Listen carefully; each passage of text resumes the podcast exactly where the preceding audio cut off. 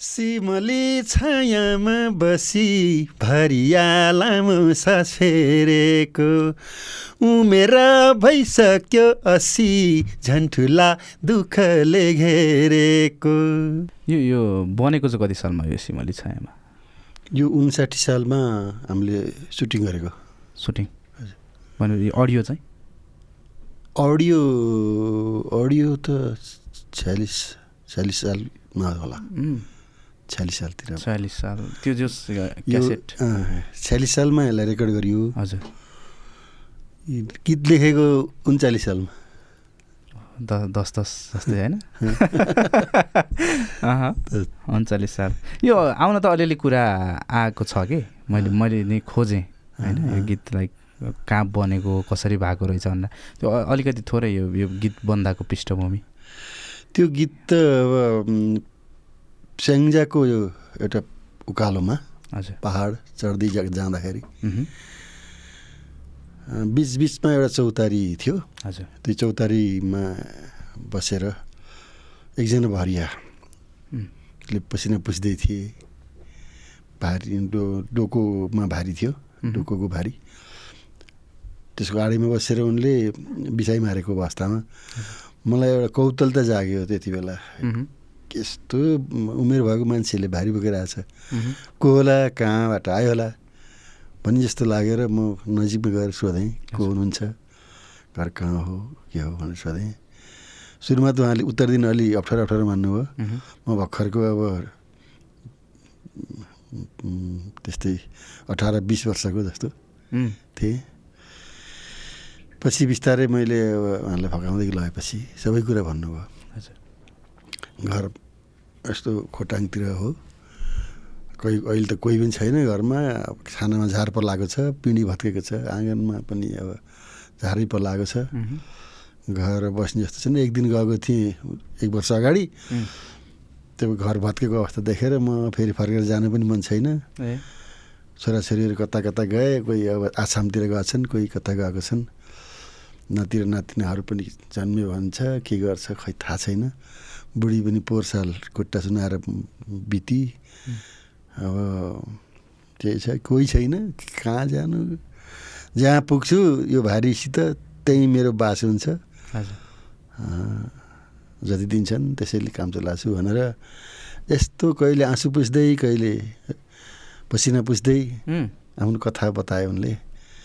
करिब पैँचालिस मिनट जस्तो उनले आफ्नो दुःख बिसाएपछि म त्यहाँबाट उनी भारी बोकेर उकालो लागे म उनलाई पछि पारेर उछिनेर जाँदै थिएँ। माथि डाँडोमा एउटा बिसाउने चौतारी छ उकालो सिद्धिएपछि। त्यो चौतारीमा पुग्दाखेरि यो गीत आफै बनिसकेको रहेछ भित्रभित्रै। यो अहिले हामीले यो गीत सुन्छौँ नि त हजुर। यो पुरै पुरै शब्दहरू। हजुर। शब्द पुरै बनाएर रहेछ। डाँडामा भएर गएर मैले डायरीमा टिपेको मात्रै हो। मनमा नै गीत तयार भइसकेको रहेछ। हजुर। मैले गीत बनाउँदैछु भने पनि मलाई पत्तै छैन है। गीत बन्दैछ भने पनि थाहा छैन। ए अटोमेटिकल्ली यस्तो गीत बनेको। त्यो त्यसपछि डायरीमा गीत सारेँ सरसर्ती। भाका पनि लगभग बनिसकेको रहेछ। हजुर। भाका त्यही गुनगुनाएँ।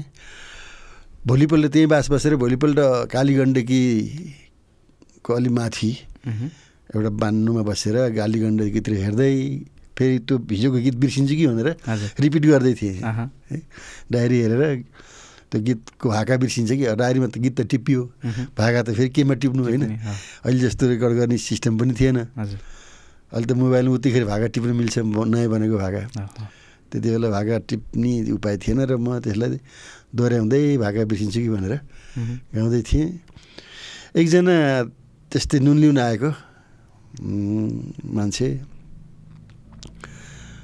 म बान्नुदेखि उतातिर फर्केर गीतको भाका दोहोऱ्याउँदै थिएँ उनी चौतारीमा बसेर सुनिराखेर चाहिँ पछिबाट आएर है ए गीत सुन्दा सुन्दै रोइरहेका रहेछन् अन्त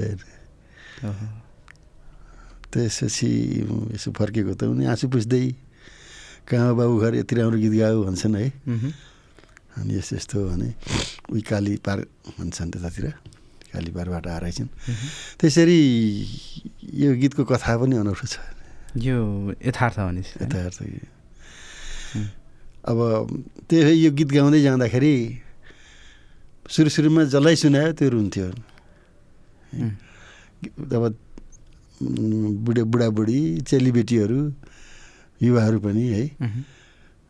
गीत अब पिँढीमा बसेर त्यति बेला त अब हामीले यस्तै खुल्ला गाउनु पाइँदैन थियो कहिले पिँढीमा बसेर कहिले चौतारीमा कसैले स्कुलका प्राङ्गणहरूमा यी गीतहरू गाउने। अब एउटा माइक पनि अतिलो थिएन त्यतिखेर। ढुवाङ हुन्थ्यो। त्यो ढुवाङ बजाउने हो। त्यही पनि बाँसको त्यो उ काटेर बाँस बाँस काटेर त्यो ब्याट्री त्यही बाँसमा लगाउने। अनि त्यो ब्याट्रीबाट तार ल्याएर यता फेरि माइकमा जोड्ने। त्यसरी अनि हामीले गीत सुनाउँथ्यौँ। जहाँ जहाँ गएर यो गीत सुनायो मजेरीमा पिँढीमा आँगनमा स्कुलका प्राङ्गणमा चौतारीहरूमा गीत सुनाउँथ्यौँ। ज जसलाई सुनायो ती सबै रुनी गर्थे आँसु झारेर। यो एउटा त्यो लाइक उहाँको त्यो जीवन कथा त्यो व्यथा भनौँ न। त्योबाट सृजित गीत भयो। उहाँको आफ्नो जीवन कहानी सुनेर यो गीत बन्यो आफै। उहाँलाई फेरि जीवनमा दोहोऱ्याएर भेट्ने त्यो खालको पाइएन। कहाँ न ठेगाना टिप्यो न। फर्केर जाने। कति उमेर जतिको हुनुहुन्थ्यो? त्यही असी बयासी त्यस्तै हुनुहुन्थ्यो। अहिले सायद हुनुहुन्न। अहिले त कहाँ हुनु? उन- उन्चालिस सालमा असी वर्षको मान्छे अहिले। एक सय बिस वर्ष जति। त्यही भएर यो हजुरले अघि भन्नु पनि त यो उहाँले सुनाउनु भएको त्यो पीडाहरू क्या अहिले भर्खर यो कुरा गरिरहँदा। अहिले पनि अब यो हाम्रो अब त्यो त्यो त सायद उहाँको त्यो कुनै फरक फरक फरक कुराहरूले अब त्यो बेलाको। मानिसहरू प्राय मानिसहरू जिन्दगी त्यस्तै थियो भारी बोकेरै हिँड्नु हो, पर्थ्यो कि। त गजा गदा खच्चडले भारी बोक्थे नुन तेल गर्दाखेरि। तर प्रायः जस्तो मान्छेहरूले आफैले भारी बोकेर हिँड्नु पर्थ्यो म पनि कतिपल्ट भारी बोकेर हिँडेको छु है। तर त्यो गीतको चाहिँ विकास यसरी भयो कि पहिला सुरुमा त्यो गीत सुनेर रुनी गीत बन्यो। हजुर। पछि यो गीत हेर्ने गीत भयो भिजुअल है? भिजुअल गरिसकेपछि छ्या- छ्यालिस सालपछि मान्छेले हेर्ने रमाउने गर्न थाल्यो यो गीतमा। अब गर्दा गर्दै अहिले त यो गीत नाच्ने गीत भएको छ यो गीत। सुनेपछि सबै नाच्छ अब। रुनी त कुरै छैन। हेर्नु मात्रै पनि कुरो छैन। कति त्यो त्यसरी डेभलप भयो गीतको। त्यो समयसँगै त्यो बिस्तारै बिस्तारै? समयसँगै। यो यो अहिले यो हामीले यो भिडियोको कुरा गऱ्यौँ नि त होइन। यो यो कहाँ खिचेको थियो? यो पनि त्यही?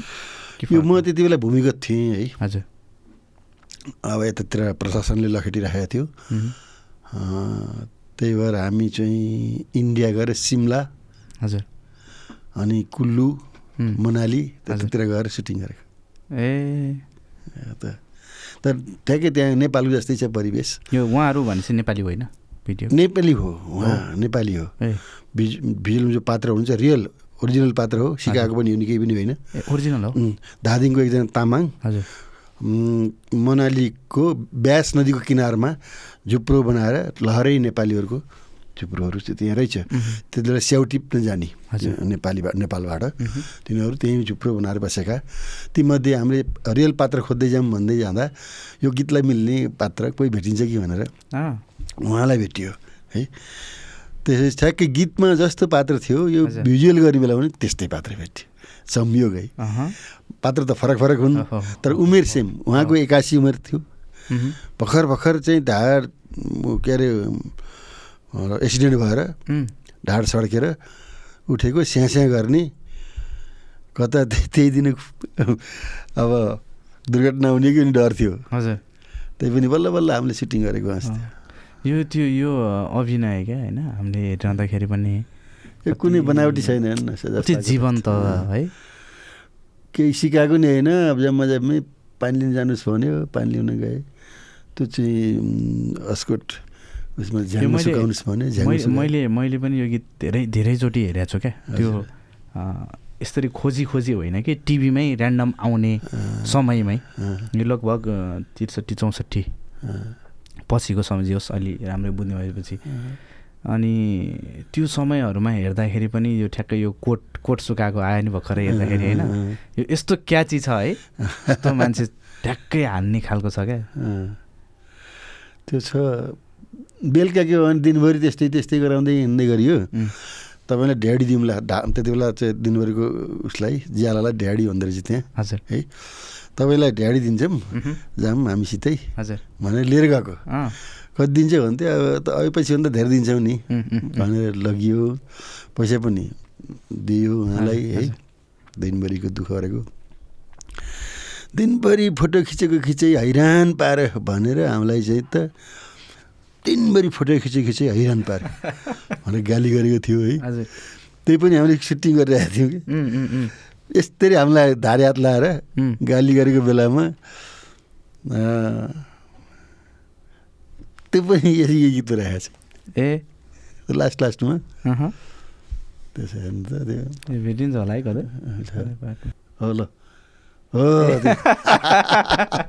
हामीलाई गाली गरेको थियो ए। दिनभरि फोटो खिच्यो खिच्यो यसको कहिल्यै सकिएन फोटो खिचेर। यस्तै गाली। त्यसलाई हामीले मै बुढी जान्छु अब सामन्तलाई भन्ने ठाउँ राखियो कि। त्यही त है।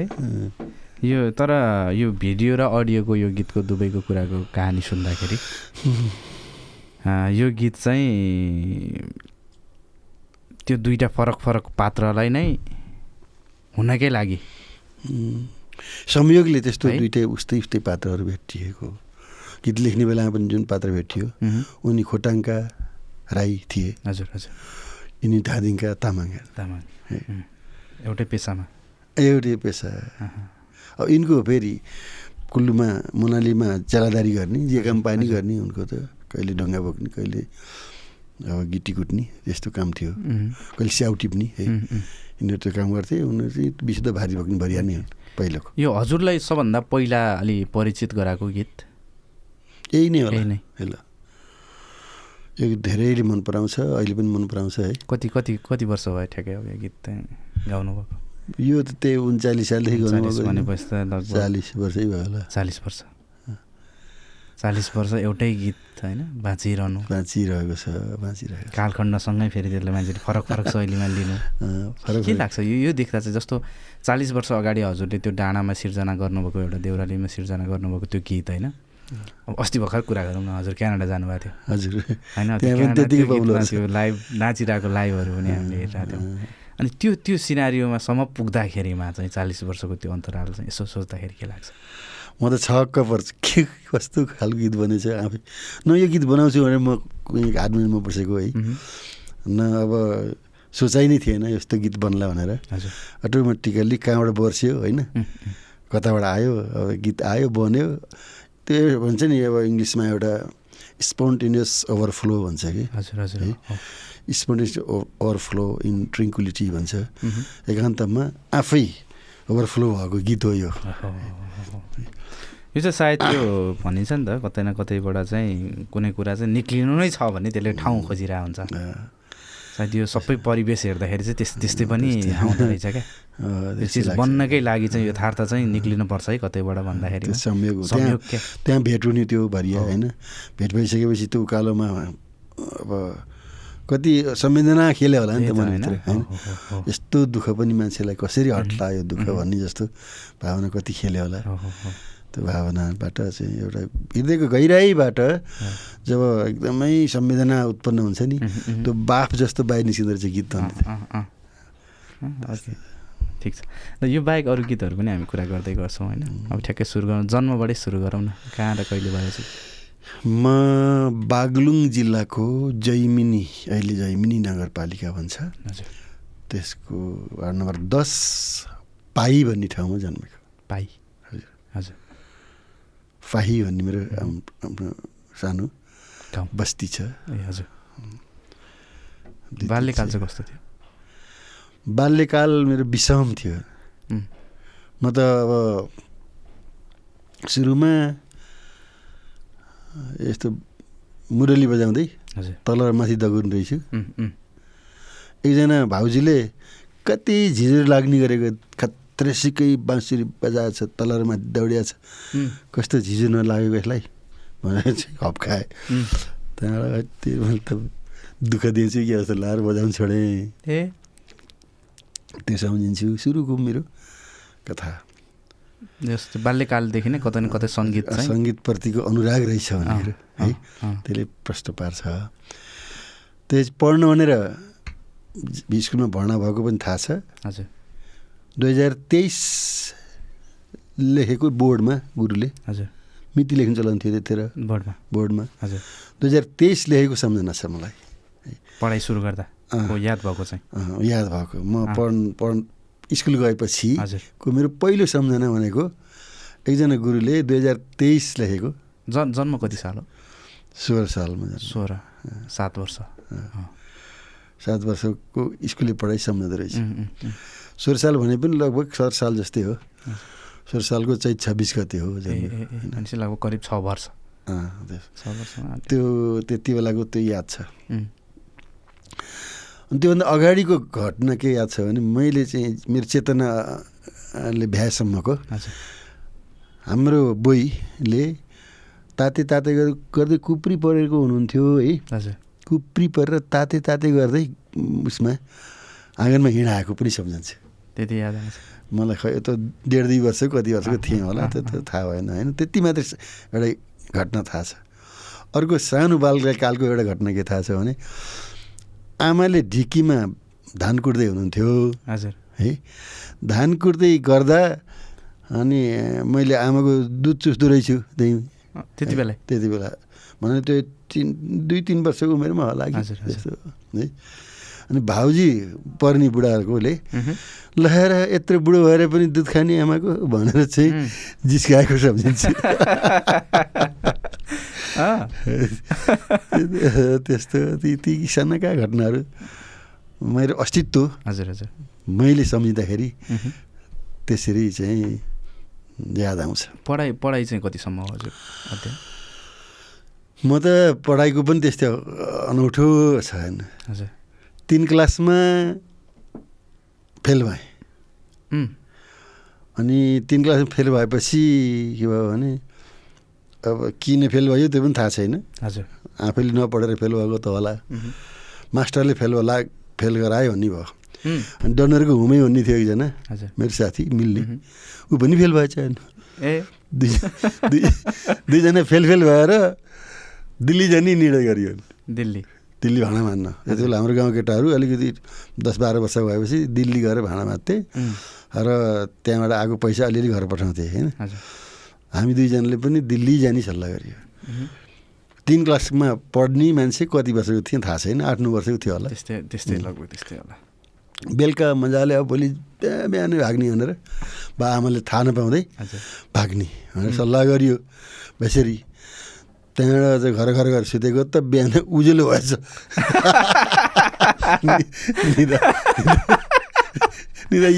अँ, अँध्यारोमै भाग्ने भनेको? भाग्ने कुरा अब त्यो सकियो त्यही सकियो यो बिर्सियो त फेरि। त्यसपछि तिन चार वर्ष गाई चराउँदै भेडा चराउँदै हजुर। वन वनमा डुलेमा फेल भएपछि स्कुल जाने कुरो हरायो। पढाइ छोडिदिनु भयो। पढाइ छुटेछ आफै। अब अहिले पनि लगेर फेरि भर्ना भयो नि यो भेलुनीलाई किन भनेर होला होइन। आफूलाई पनि मन लागेन। मन लाग्यो भने मन लागेन। मन लागेन कि लाग्यो कि केही थाहा छैन।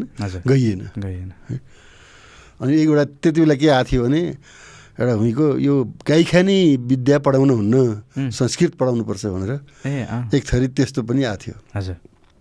अङ्ग्रेजी पढ्यो भने स्कुलमा पढ्यो भने गाई खा गाईको मासु खान्छन् बिग्रिन्छन् छोराछोरी भनेर फेरि उतातिर संस्कृततिर लगेर बाले गुरु कहाँ लगेर कौमुदी र अमरकोश पढाउन थाल्नु। कुन ठाउँ हो यो? उहीँ पाइमै हो हाम्रो गाउँमा। के अरे बाग्लुङ? बागलुङमै। हजुर। त्यो भएपछि अब चार वर्ष जति गुरुको पछि पछि हिँड्ने भेडा खे खेद्ने कहिले आउने घरका गाई चराउने गर्दै गर्दै बित्यो। एक दिन हाम्रो भिनाजु आउनुभयो घरमा। हजुर। चितवन बस्नुहुन्थ्यो। चितवनको टाँडीमा त्यहाँबाट भिनाजु आएर बाला बेसरी रातभरि कन्भिन्स गर्नुभयो। हजुर। अहिलेको जमानामा छोरालाई नपढाएर हुन्छ यो बिग्रिन्छ खतम हुन्छ। तपाईँले जसरी पनि लगेर पढाउनु पढाउनुपर्छ। उम्, भन्नुभयो अनि भिनाजुले दिएको गाई दान गरेको एउटा गाई थियो। भाइले ल त्यो गाई खेदेर भिनाजु कहाँ जाएर पठाउनु भएको थियो। गाई ल र भिनाजु कहाँ छोडियो। फर्केर आउँदाखेरि भिनाजु सँगसँगै आएर बाटोमा स्कुल पर्थ्यो हजुर। हाई स्कुलमा लगेर सात क्लासमा भर्ना गरिदिनु एकैचोटि? एकैचोटि। तिनमा फेल भएको मान्छे? तिनमा फेल भएको मान्छे सात क्लासमा। अब के गर्ने हो? सयसम्म गाउँमा गर्न पनि आउँदैन। एबिसिडी पढेकै होइन चारबाट बल्ल सुरु हुन्थ्यो एबिसिडी पढ्न। है? एबिसिडी आउँदैन गन्न आउँदैन साइन्स के हो थाहा छैन है? ल अब के हो पढ्ने? तर कता कताबाट के चान्स परेछ भने घरमा एउटा यत्रो किताब थियो। हजुर। अर्थमेटिक्सको र एकदेखि लिएर स गन्नीदेखि लिएर जोड घटाउ गुनान गुणन भागा लस मस सबै सिकाएको थियो ए है त्यो घोक्दै घोक्दै घोक्दै जम्मै कण्ठ पार्दै कण्ठ पार्दै सबै गएपछि उम्, अलिअलि बल्ल हिसाब हुन थालेँ दुई महिना तिन महिनाको अन्तरमा अनि अर्को एउटा हाई स्कुल ग्रामर थियो त्यति बेला इङ्ग्लिस इङ्ग्लिसको। हाई स्कुल ग्रामरमा पनि एबिसिडीदेखि लिएर अनि शब्द बनाउने है। त्यसपछि लास्टमा गएर चिठी लेख्नेसम्म सिकाएको थियो। कति कथाहरू पनि त्यही थिए। त्यो पनि जम्मै कण्ठ पारिन्छ दुई तिन महिनाको बिचमा। हजुर। त्यति बेला म घाँस काट्न जाँदा नि किताब हेर्ने सुत्ने सुत्ने बेलासम्म पनि किताब हेर्ने उठेपछि नि किताबै हेर्ने कोदो रोप्न जाँदाखेरि पनि किताब लिएर राख्ने र यसो मौका पऱ्यो भने त्यही किताब हेर्ने। त्यस्तो जाँगर चलेछ पढ्नलाई छ महिनापछि म फर्स्ट भएँ। ओ। सात क्लासमा। तिनबाट एकैचोटि सात पढेको मान्छे? तिनमा फेल भएको मान्छे। फेल भएको सात क्लासमा गएर छ महिनामा फर्स्ट भएँ त्यसपछि वर- वर्ष के अरे वार्षिक परीक्षा पनि फर्स्ट भएँ। सात क्लासमा फर्स्ट आठ क्लासमा फर्स्ट नौ क्लासमा फर्स्ट दस क्लासमा पनि फर्स्ट सिक्सटी एट पर्सेन्ट ल्याएर एसएलसी गरिएछ त्यति बेला। त्यति बेलामा? त्यति बेला त ठुलो मार्क हो त सिक्सटी सालको एसएस याद छ? चौतिस साल। चौतिस सालमा सिक्सटी एट पर्सेन्ट त्यसपछि अब पढ्न पठाउनु बाले दुई हजार रुपियाँ ढाडमा बाँधेर ल पढ्न जा भनेर काठमाडौँ एक्लै आएँ। यो यो पहिलोचोटि काठमाडौँ आउनुभएको? पहिलोचोटि काठमाडौँमा। ए। एसएलसी पास गरेपछि। कता कता अब नागडाँडा जानुपर्छ भन्थे है नागडाँडा आइयो त्यहाँबाट पोखरा पनि बस्थ्यो। पोखरा आएर फेरि एक रात बसेर त्यहाँबाट काठमाडौँ निस्कियो। हजुर। गाडी गाडीहरू चाहिँ चलि चल्थ्यो मजाले? एक दिनभरि हिँडेर बल्ल गाडी भेट्न आइन्थ्यो। त्यही पनि कसिएर एक दिनभरि हिँड्नुपर्ने गाडी भएको ठाउँमा आउनुलाई हाम्रो गा- घर हाम्रो घरबाट। एक दिन हिँडेर गाडी चढेर अनि त्यहाँबाट पोखरा। त्यहाँबाट पोखरा। नागडाँडा आउने त्यहाँबाट अलिकति पच्चिस किलोमिटर छ। त्यो हिँड्ने। त्यो चाहिँ गाडीमा हिँड्ने त्यति। त्यो पोखरा पोखराबाट काठमाडौँ आयो। त्यसपछि काठमाडौँ आएर इन्जिनियरिङ कलेजमा इन्ट्रान्स दिएर हजुर। त्यहाँ चाहिँ पास भइयो। इन्जिनियरिङ पुलचोकमा। पुल्चोकमा। पास भइयो अनि त्यहीँ पढ्न थालेँ।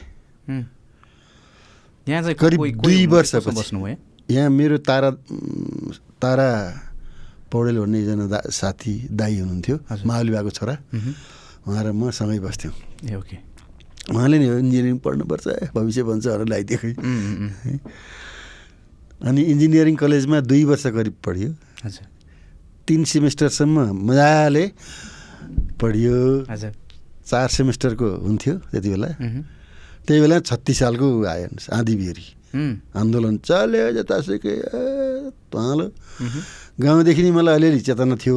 देशको निम्ति लड्नुपर्छ जनताको निम्ति काम गर्नुपर्छ भन्ने थियो है। यहाँ आइसकेपछि पनि अब आन्दोलन सुरु भयो अब ने नेपाली जनताको लागि लड्नुभन्दा ठुलो कुरो केही छैन।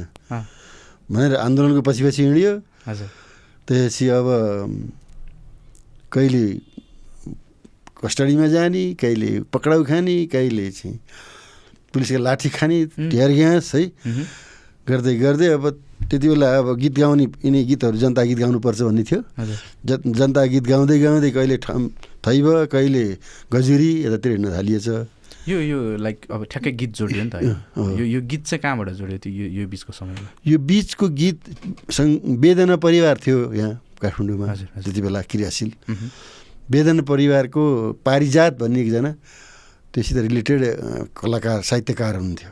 पारिजात। पारिजात। उहाँको ठेगाना लिएर म गाउँबाट आएको थिएँ है। गाउँबाटै? गाउँबाटै उहाँको ठेगाना लिएर आएको थिएँ पारिजातको। उहुँ, उहाँको घरमा पहिला सम्पर्क भयो। पारिजातले मलाई यतातिर वेदनासित सम्पर्क गराउनु भयो। वेदना परिवारले जनता गीत गाउँदै हिँड्थ्यो। म पनि त्यसैमा मिसिएर अनि यी जनसङ्गीतहरूको यात्रामा जोडिएँ त्यहाँ त्यहाँबाट सुरु भयो। त्यहाँबाट सुरु भयो। गीत गाउँदै कहिले चितवन कहिले गजुरी कहिले यता त्यतै भयो। अनि अनि जन जनआन्दोलन सुरु भयो। गीत गाउँदै भाग्दै जन गीत गाउँदै भाग्दै जनआन्दोलन सुरु भइसकि छत्तिस सालको आन्दोलनमा को आँधी बेरीबाट मेरो चाहिँ जिन्दगी यतातिर मोडियो। उता इन्जिनियरिङ छुट्यो। एक एक सेमेस्टरले। त्यो त अब त्यत्रो अब पाँच छ महिना कति छोडेपछि त त्यतिर फेरि जोइन गर्ने कुरो नि भएन। उहाँले पनि अब यो पढाइ छोडेर हिँड्नु गरेको त गीत गाउँदै भन्ने थाहा पाएछन्। त्यसपछि पैसा पठाउने कुरो नि आएर आर्थिक अवस्था कस्तो थियो परिवारको? आर्थिक अवस्था नि त्यस्तै उरल र झिरल छ मेरो त उता परिवारको चाहिँ त्यो परिवार। बाको पहिला धेरै प्रशस्तै सम्पत्ति हो। हजुर। गाउँको जिम्माल मुखिया। ए। प्रधान पञ्च भएको गाउँमा है। त्यति बेलाको प्रधान पञ्च जिम्माल मुखियाको रवाफ त अब कस्तो थियो कस्तो थियो। दुईवटा घोडा थिए। एउटा घोडा कहिले कुन घोडामा चढेर हिँड्ने कहिले कुन घोडामा चढेर हिँड्ने फेटा गुटेर हैट गर्दै थर्काउँदै हिँड्ने त्यस्तो थियो बुवाको धाक रवाफ थियो। त्यसपछि एउटा के मुद्दा लाग्यो बालाई। हजुर। गाउँको एउटा मान्छेलाई मुद्दा लागेको थियो त्यसलाई बोकेर हिँड्दाखेरि ठुलै ऋणमा पर्नुभएछ ए। त्यो जग्गा जमिन जमिन बन्दकीमा राखेर थोरै घर वरिपरिको दुई चारवटा बारी मात्रै बाँकी रहे। त्यो ऋणले गर्दा। अनि त्यसले खान नपुग्ने। दिनभरि काम गऱ्यो बेलुका साँझ परिसकेपछि निमेक कहाँ पाइन्छ बिसाउनुलाई? त्यहाँ जानु पर्थ्यो ए। एक एकपल्ट त्यस्तो भयो फेरि पराकाष्ठा गरिबीको एक ठाउँमा गएको बेलुका साँझ सात बजीसम्म हामीले काम गऱ्यौँ सात बजेपछि आमा र म निमेक भनेर गएको। करिब आठ बजेको थियो दिनभरि थाकेको असारको महिना। मैले खन्नी आमाले रोप्नी गरेर थाकेको अवस्थामा अब अन्न बेसाउनलाई गइयो माथि। अब साहुले मरे नदिने त्यतिखेर कोदो दुई पाथी कोदो दिनुहोस् न त्यसै दिए जस जस्तो हुनेछ। म अब काम गर्न आयो भने उम्, पैसा ल्याइदिए पनि ल्याउँला घर केटाकेटी भोकै छन् दिनभरि काम गरेको। जसरी भए पनि मलाई दुई पाथी कोदो दिनुहोस् भनेर आमा बिरह गरेको मलाई याद छ अझै याद आउँछ। त्यो कोदो ल्याएर फेरि त्यतिखेरको कोदो असार कोदो ओसे पिएको हुने रहेछ। अलिअलि भुटेर अनि के अरे हातले मिचेर फुस फालेर पिसेर खाँदा बाह्र एक बजेको कथेर बजेको थियो है। खान थालेको तितो। ढिँडो त तितो। के खानु? त्यही पनि निल्यो आँसु आउने हेर्नुहोस् निल्दाखेरि। हजुर सन्तान कतिजना हुनुहुन्थ्यो? हामी त त्यति बेला दाई अर्को आमातिरको दाई हुनुहुन्थ्यो। हामी चा अहिले चार भाइ बहिनी हो। दुईवटा दिदी दुईवटा बहिनी अनि म एउटा त्यो त्यो घटना चाहिँ यस्तो याद आउँछ है। फेरि अब पछि के भयो भने ऋणसिन तिरियो फेरि अलि सहज भयो। त्यस्तै कहिले माथि? माथि कहिले चाहिँ गरिबी।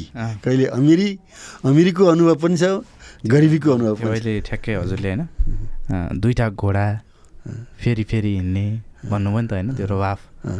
अनि त्यो त्यो त्यो हेर्दाखेरि कस्तो कति अर्क- अर्कै झलक आउँछ नि त अनि फेरि त्यही सर्टेन केही समयपछि फेरि त्यहाँ फेरि गरिब अन्नै नभएर महागरिब अन्न नपाएर। दिनभरि काम गरेर भोकै बस्नु पर्दाखेरिको अनुभूति पनि त्यो त्यो उमेरमा पनि एउटा सुखको पराकाष्ठा। होइन? सुखको पराकाष्ठा पनि दुःखको पराकाष्ठा। दुइटै अनुभूति गरियो। यो यो कुराले कतै हजुरलाई हिट गरेको थियो? कतै? कि खै गरे होला त्यो त मलाई थाहा छैन होइन? तर त्यो बाल सुलभ अब मनोदशा के हुँदो रहेछ भने एडाप्टेसन हुँदो रहेछ। जस्तोमा पनि सहन सक्ने क्षमता बच्चाहरूमा हुँदो रहेछ है? जस्तो परिस्थिति पनि उनीहरूले सामना गर्न सक्ने। किनभने जस्तो अलिक पछि आएपछि अब हजुर यही छत्तिस सालबाट होमिनु भयो नि त एउटा फेरि। छुट्टै त्यहाँबाट नयाँ यात्रा तर गरिबको पीडा चाहिँ मलाई थाहा छ सायद त्यही त्यही कुराले हो कि चाहिँ। अनुभूति गरिबको पीडाको अनुभूति मैले स्वयं आफैले भोगेको छु। त्यही त। गरिबी कस्तो हुन्छ भन्ने कुरा। त्यो छत्तिस सालको अब यो माहौलमा भिजिसकेपछि चाहिँ के भयो। त्यसपछि फेरि के भने अब केही समयपछि आन्दोलन पनि सेलायो। हजुर।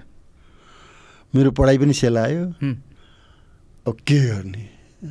त्यसपछि घर जानु पनि अब। घर जानु पनि मुख देखाउनु लाज भयो है। इन्जिनियरिङ पढ्नु पठाएको छोरो है। त्यस्तो। बिग्रेर फर्को भन्ने भयो। म पढाउन भनेर मुस्ताङतिर गएँ। मुस्ताङ? मुस्ताङ पुगेँ। डेढ दुई वर्ष त्यता पढाएँ। त्यसपछि गाउँमा एकछिन पढाएँ गाउँमै। त्यसपछि मैले चाहिँ सोलुखुम्बु गएर फेरि दुई वर्ष जति। सोलुखुम्बुको सोलुखुम्बु खुम्जुङ? खुम्जुङ नाम्चे बजारदेखि माथि खुम्जुङमा मैले फेरि त्यहाँ दुई वर्ष जति पढाएँ। हजुर। अनि फर्केर आएपछि एकजना हाम्रो मित्रले ओहो यसरी नपढेर त हुन्न खतम भइन्छ।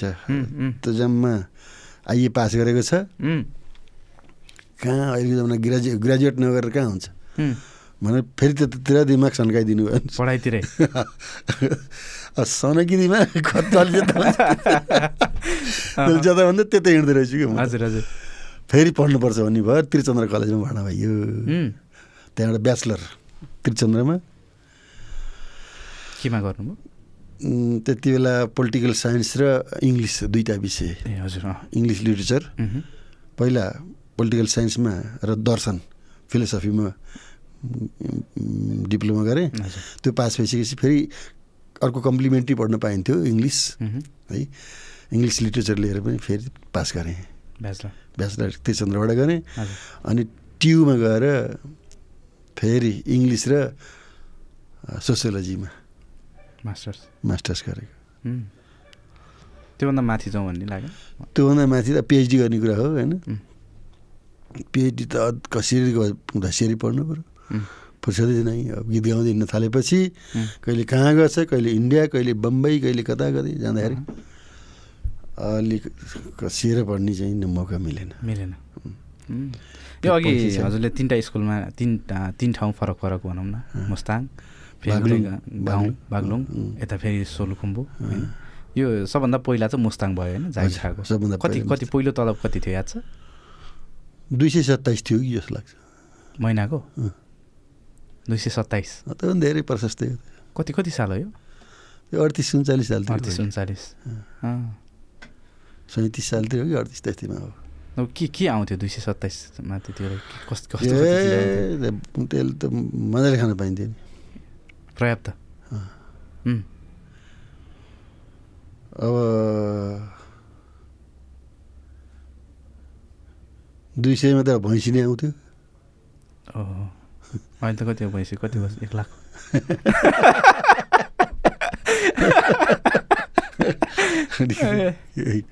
एक लाख भनेर सुनेको थिएँ मैले यस्तै होला। एक लाख दुई लाख।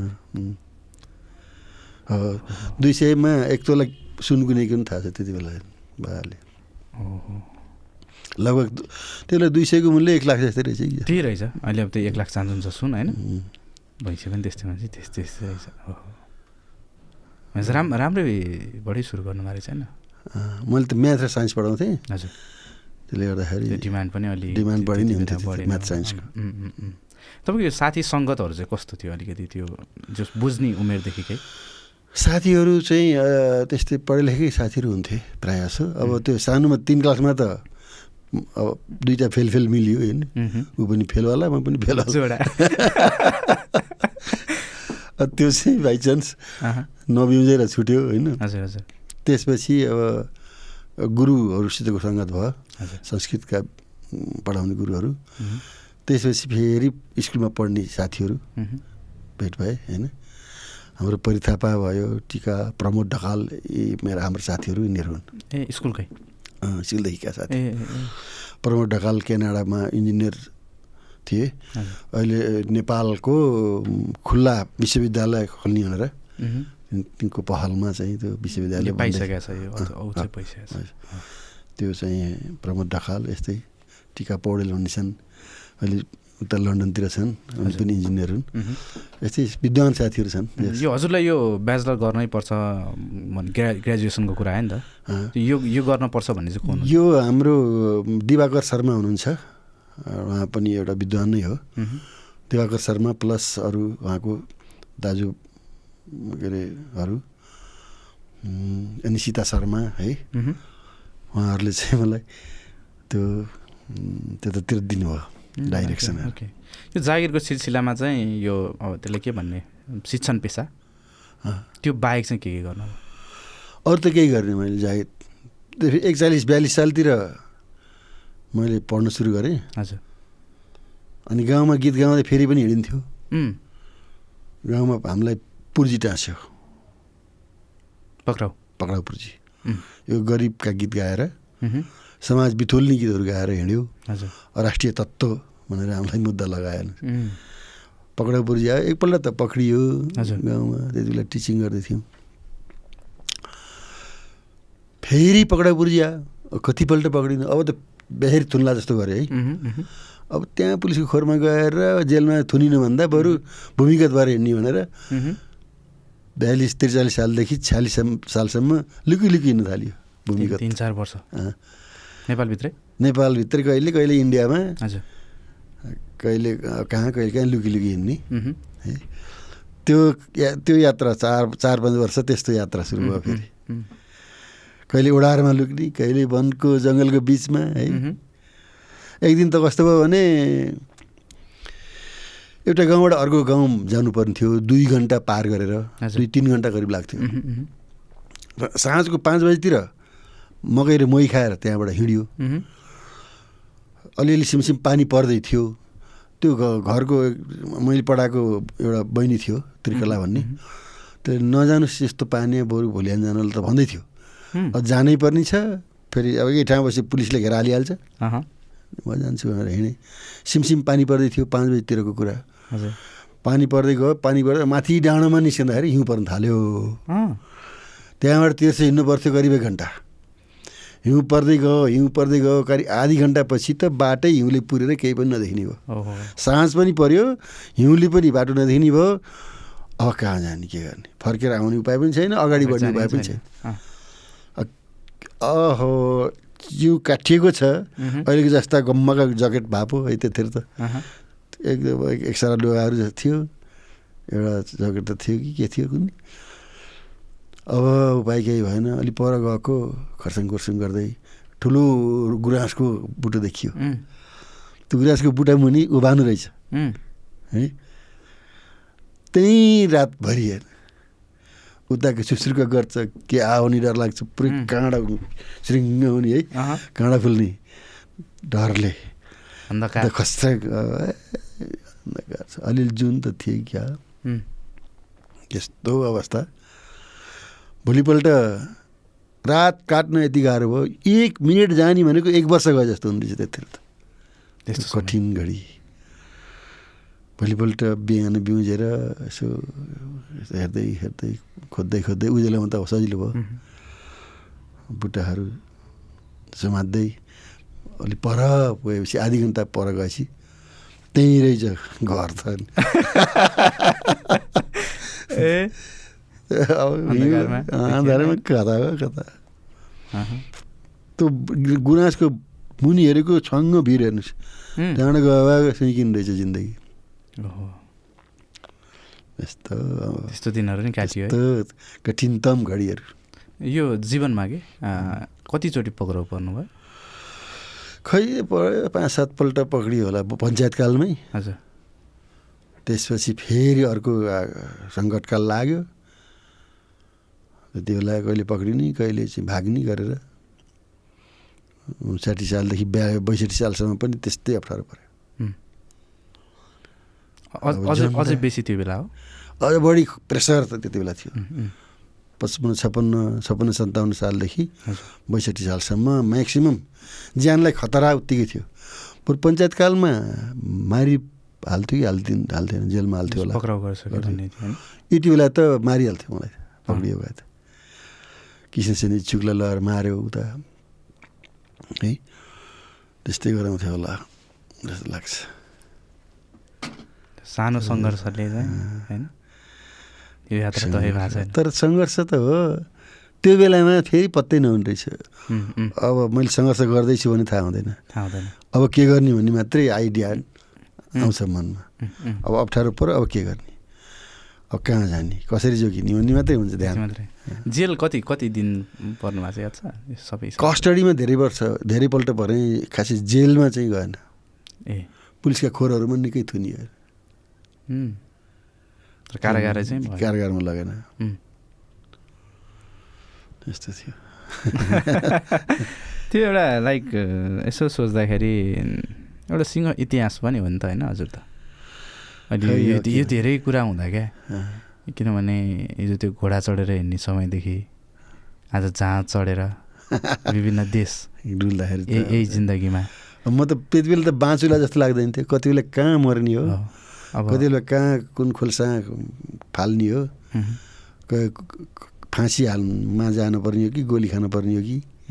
यस्तो मात्रै थियो जिन्दगी त है?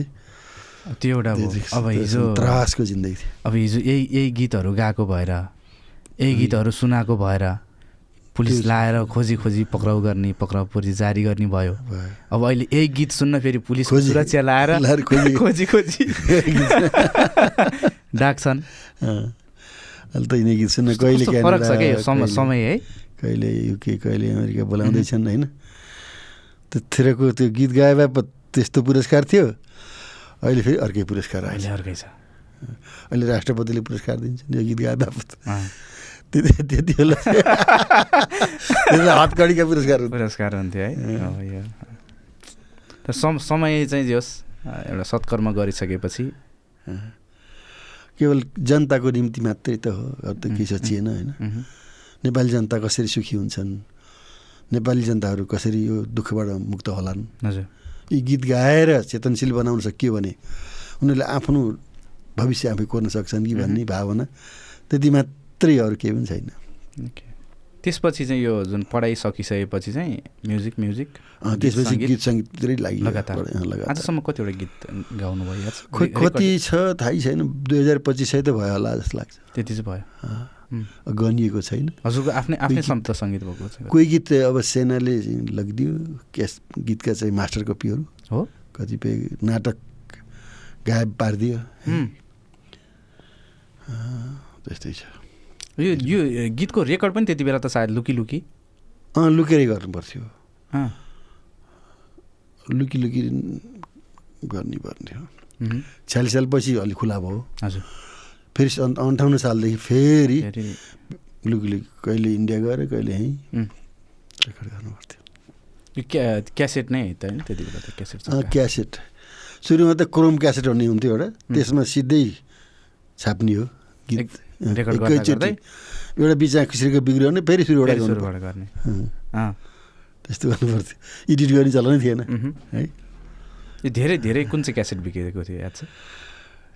सबभन्दा धेरै क्यासेट चाहिँ सिमेल छाया भएको भाग एक र दुई बिच बिक्यो कति बुटबलमा त ठेलागाडामा हालेर त्यो टन्नै यिनी क्यासेट मात्रै ठेलागाडामाथि राखेर दिनभरि एक ठेलागाडा बेच्ने। त्यस्तो? यति म डिमान्ड त्यो। कति कति जति बिकेको थियो केही छ? खै केही हिसाब छैन अब। डिस्ट्रिब्युटरले गरेको थियो कि? म्युजिक नेपालले डिस्ट्रिब्युसन गर्थ्यो। तर उसले कति गर्थ्यो? बिचमा डबिङ गरेर अरू अरू अँ, झन् धेरै अँ, बेच्थ्यो अँ, अँ। त्यो अस्ति अस्ति हाम्रो एकजना म्युजिक रिलेटेड हाम्रो गेस्ट हुँदा हामी कुरा भएको थियो कि. अब त्यति अगाडिको त होइन यो अलिक पछाडिकै कुरामा पनि साठी आसपासको कुरामा पनि. चाइनाबाटै आउँथ्यो अरे क्या। डबिङ गरेर। होला होला। अनि यहाँको भन्दा त आधी नै जस्तो सस्तो सस्तोमा बेचिदिएपछि त मान्छेले त त्यति रुचाइ नै हाल्छ. त्यतिसम्मको. यो सिमली छाया अहिले पनि हजुरलाई धेरैले चाहिँ जीवन शर्मा भनेपछि जहाँ गए पनि लास्टमा गाउनु पर्ने गीत. त्यही हो। ए गीत। ए गीत गाउने हजुरको पर्यायवाची जस्तै हेर्छ नि त मान्छेले। अँ, चट्ट भन्दाखेरि होइन। कहिलेकाहीँ अनामनगरको यसो गल्लीमा उम्, सानो सानो बच्चाहरू गुच्चा खेलिरहेको हुन्छ कि। पाँच सातजना बच्चाहरू गुच्चा खेल्दै हुन्छ। मलाई ऊ पर देखेपछि गुच्चा खेल्न बन्द गरेर जराकजुरुक दुईतिर दुई लाइनमा यसरी उभिन्छ। कोही यतातिर भित्तातिर कोही यतातिर। अनि चुपचाप बसेको हुन्छ है। म त उनीहरूलाई क्रस गरेर अलिक पर पुगेपछि सिमली छायामा बसी। मेरो नाम के हो थाहा छैन तिनलाई। हजुर हजुर। ती नानीहरूलाई। गीत कन्ठै छ तिनलाई त। त्यस्तो गर्छ सानो सानो बच्चाहरू। अब यो ठ्याक्कै भन्नु पर्दाखेरिमा त्यो त्यो बच्चाको उमेर क्या अहिले हामीले यहाँबाट सोच्दाखेरि क्या। दस वर्ष बाह्र वर्ष। त्यस्तै। त्यस्तै उमेरको बच्चा त हो। त्यो बच्चाहरूले हजुरको नाम? नाम थाहा छैन। होइन थाहा नभए तापनि। सिमेली छाया थाहा छ। सिमली छाया थाहा छ। अनि फेरि सिमली छाया यो मान्छेको हो भन्ने पनि थाहा छ। थाहा छ। यो यो अनुहारको सिमेली छाया भने थाहा छ। अनि ठ्याक्क अहिले हामीले सोच्दाखेरि त्यो समयमा रेकर्ड भएको गीतको छाप अहिलेसम्म चाहिँ पर्नु भनेको त कालजै। छ त्यस्तै। हामी रचना रिमाल म क्यानाडा गयौँ सँगसँगै। हजुर। कहीँ स्टेजमा गीत गायौँ। अब उसको त हिट हुने भइगयो। तर यो सिमेल छाया पनि त्यत्तिकै नै हिट हुन्छ कि? त्यही त। यस्तो छ। अब यही यही कुरा आइहाल्यो नि त होइन। हाम्रो यो फर्स्ट केस उहीँ हुनुहुन्थ्यो। उहाँको यो कुरा गरिरहँदाखेरि अब उहाँ यो क्षेत्रमा आउनुभएको नै दुई वर्ष भयो। हो। दुई तिन वर्ष भयो भनौँ न होइन। उहाँको उमेरकै कुरा गर्ने हो भने त्यो गीत निक्लेको भन्दा आधी उमेर उहाँको उमेर छ। त्यो गीत निलेको भन्दा आधी। होइन। यस्तो यो नयाँ पुस्ताहरूसँग सहकार्य गर्दाखेरि चाहिँ कस्तो कस्तो अनुभव हुन्छ? मलाई त एकदम सजिलो लाग्छ। उनीहरूले पनि एकदम रेस्पेक्ट गर्छ है। एकदमै सम्मान गर्छ। अनि मलाई पनि एकदम आफ्नो छोरीहरू जस्ता र नै त हो। अनि त्यस्तै एकदम माया लाग्छ। र एकदम सजिलो हुन्छ मलाई त। जस्तै सिमली छायाकै कुरा अलिकति गरिरहेको छौँ नि त हामी होइन फेरि पनि। यो गरिरहँदा लाइक सिमली छायाले दिएको उपलब्धि चाहिँ के के के हो जस्तो लाग्छ आज? त्यस मार्फत नेपाली जनताको माया पाइयो। त्यो हो सबभन्दा ठुलो कुरो। मुख्य कुरा। त्यो गीत नबनेको भए सायद यदि धेरै माया सम्मान जनताबाट हजुर। अलि असम्भव थियो कि जस्तो लाग्छ। यो पच्चिस सय हाराहारी भ- होइन? ठ्याक्कै एकिन त नभए तापनि हाराहारी भन्ने कुरा होइन। त यो मध्ये हजुरलाई आज पनि ठ्याक्कै हामी यो स्टुडियोमा बसेर गफ गरिरहँदाखेरि चाहिँ अब हुन त त्यो एउटा अभिभावकलाई आफ्नो सृजनाहरू त सबै उति नै प्रिय लाग्छन् राम्रो लाग्छन्। तथापि एउटा एउटा कुनै चुज गर्नु पऱ्यो भने एउटा चुज गर्नु पऱ्यो भने मलाई समयसँग सम्झौता होइन सङ्घर्ष गर सङ्घर्ष आउँछन् हजार चुनौती स्वीकार गर सहर्ष आउँछन् हजार चुनौती स्वीकार गर सहर्ष सुख र दुःखको द्वन्द्वले जीवनको बाटो खन्दछ। हजारौँ चोट सहेर पत्थर त्यो मूर्ति बन्दछ। हजारौँ चोट सहेर पत्थर त्यो मूर्ति बन्दछ। समयसँग सम्झौता होइन सङ्घर्ष गर सङ्घर्ष।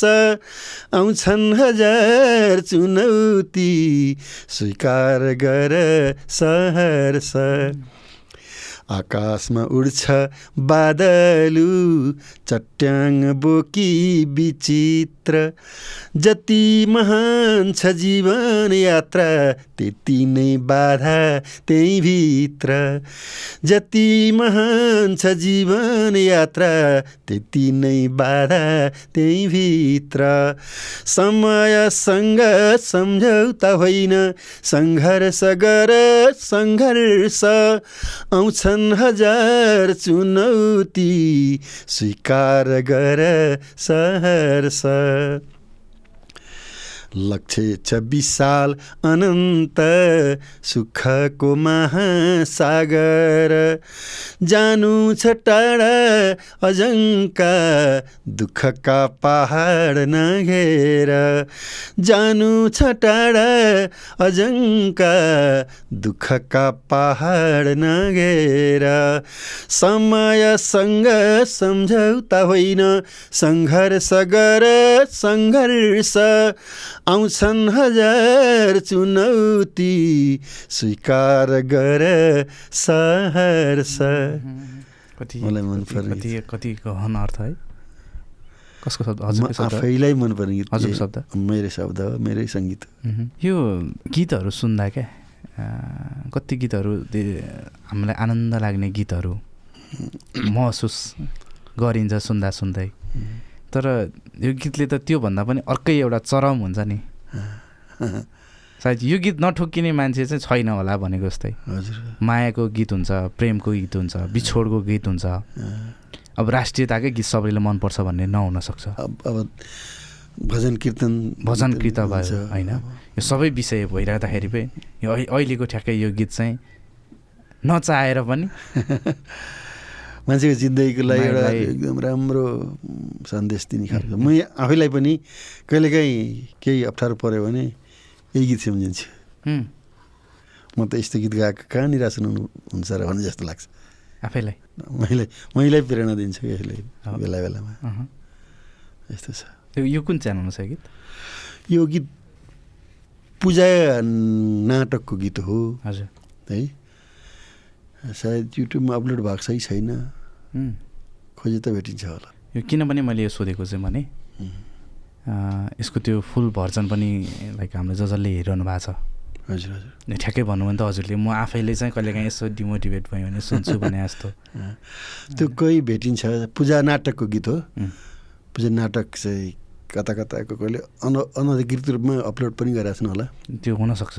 त्यो कतै कतै आएको हुनसक्छ यो यो धेरै लामो सहका यो यात्रा भयो होइन। यो पच्चिस सय एउटा गीत गाउँदा धेरैजनासँग पनि सहकारी भयो होला। त्यो त्यो पहिलाको त्यति बेलाको पुस्ता पारिजात। उहाँकै कुरा आइहाल्यो होइन। अब अहिले यो नयाँ पुस्तामा पनि अघि हामीले थोरै कुरा गऱ्यौँ। हजुरले चाहेर पनि नेपाल होस् वा नेपाल बाहिरको कोही त्यस्तो सहकार्य गर्न पाए हुन्थ्यो यो साङ्गीतिक क्षेत्रमा भनेर सोच्नुभएको कोही त्यस्तो अहिलेसम्म नपाउनु भएको अब खास गरेर जनता गीत गा गाउने प्रतिभाहरू। उहुँ, निस्किनुहुन्थ्यो भन्ने लाग्छ। त्यसै लाग्छ। हजुरले अहिले ठ्याक्कै देख्दाखेरि अब हजुरलाई जनगायक जनताको गायक अब त्यस्तो केही छन् अब। भनेरै सबैले चिनिरहेको हो नि त। अब हजुर पछिको एउटा पुस्तान्तरण भनौँ न। हजुर। त्यो त्यो यसो हजुरले हेर्दा साङ्गीतिक क्षेत्रमा पनि यो मान्छेले चाहिँ यस्तो अस्ति हामी स- सङ्गीत अभियात्रा भनेर राष्ट्रको लागि सङ्ग- सङ्गीत अभियात्रा भनेर देशव्यापी रूपमा। हाम्रो कार्यक्रम गरेका थियौँ। हजुर हजुर। हाम्रो धनगढीबाट सुरु गरेको कार्यक्रम। पूर्व काकड काकडभिट्टाको माथि फिकल पुगेर टुङ्ग्यायौँ। हजुर। त्यो फर्केर आएर पोखरा हुँदै काठमाडौँमा पच्चिस गते समापन भएको थियो। हजुर। त्यो कार्यक्रमको सिलसिलामा केही नयाँ नयाँ जनगायकहरू केही गायिकाहरू देखिएका छन्। हजुर। जस्तो लक् लक्ष्मण पाखरिन भन्ने एकजना छन् भाइ अनि त्यस्तै नयाँ भाइहरूको पनि आछ हाम्रो छोरी अनु शर्मा भन्ने छ त्यसले पनि नयाँ यस्तै जनता गीतहरू गाउने भन्ने। मै लागेको छ है। यही केही नयाँ पुस्ताहरू देखा परेका छन्। एउटा आशा छ। छ एकदम. गाउँछन्। यो त राष्ट्रको आवश्यकता हो जनताको आवश्यकता हो। किनभने यो लाइक धेरै धेरै विधा छ नि त एउटा सङ्गीतभित्र पनि कता धेरै आयामहरू छन्? आयामहरू छ जस्तो अब पहिला पहिला गीत भनेको केवल ईश्वरको कीर्तन मात्रै हुन्थ्यो त्योभन्दा। अरू केही पनि गीत थिएन। गीत भनेकै देवी देवताको र ईश्वरको रामको कृष्ण कृष्ण चरित्र कृष्ण लीला गाउने हो राम कहानी गाउने हो गीतमा। अरू यस्तो व्यक्तिको गीतहरू गाउने कुरै थिएन। पछि त्यसपछि बिस्तारै राजा गीतहरू गाउने चलन आयो। होइन? राजा गीतहरू बाहेक अरू गाउने होइन। कि ईश्वरको गीत के गाउने कि राजा गीत गाउने? त्यस्तो हुँदा पछि फेरि राष्ट्रियता गीतहरू गाउने चलन आयो। त्यसो गर्दाखेरि फेरि प्रेमका गीतहरू गाउने चलन आयो होइन? बिछोडको आयो। अनि बिछोडका प्रेमका गीतहरू गाउने चलन आयो माया प्रीतिका गीतहरू गाउने चलन आयो। अनि त्यस त्यसपछिको अवधिमा फेरि जनताका गीतहरू गाउने भन्ने चलन आयो। होइन। जनताका गीतहरू भनेपछि गीतका विभिन्न आयाम छन्। ती विभिन्न आयाममध्ये आफूले कुन आयाम रोज्ने भन्ने कुरा। मात्रै अनि यो सबै अगाडि बढिरहँदा यो यो यो यो आयाम पनि नछुटोस्। यो पनि निरन्तर गइरहेको छुट्दैन यो किनभने यो एउटा कुनै व्यक्तिको आवश्यकता होइन। यो व्यक्तिको रहरले गा गाएको गीत पनि होइन। तर त्यो देशको आवश्यकता राष्ट्रको आवश्यकता र जनताका दुःख पीर मर्कालाई उजागर गर्नुपर्ने आवश्यकताले यस्ता गीत गाउने मान्छेहरू जन्मिरहन्छन्। त्यो त्यो एउटा खुसीको विषय पनि हो नि त होइन? त्यस्तो खालको चाहिँ एउटा पुस्ता देख्नु भनेको पनि एउटा हजुरलाई नै कता कता ढुक्क बाटो एकदम आएको छन् नयाँ नयाँ युवाहरू. बिस बाइस वर्षको हजुर। भर्खरको नयाँ नयाँ जनता गीतहरू गाउने। कलाकारहरू देखा परिरहेछ। जस्तो त्यो हिजोको अघि हजुरले यस्तो चलन थियो गीत रेकर्डिङ गर्दा बिग्रेपछि फेरि गर्नुपर्ने थियो। अहिले एउटा गीतलाई नब्बे ठाउँमा काटेर गर्न मिल्छ। जोड्दै काट्दै। धेरै सजिलो। धेरै सजिलो। धेरै त्यो चलन आइसकेको छ होइन। त्यो जस्तो हिजोको साङ्गीतिक क्षेत्र र आजको यो प्राविधिक रूपमा पनि भयो। तर यस्तो पनि रहेछ हिजोको नेचुरल थियो। हजुर। गीत सङ्गीतको सबै चिजहरू। अहिले धेरै कृत्रिम भएको छ। तर जतिसुकै कृत्रिमताले एकदम राम्रो गीत बाहिर सुनिए तापनि उसको हैसियत स्टेजमा गएपछि देखिन्छ।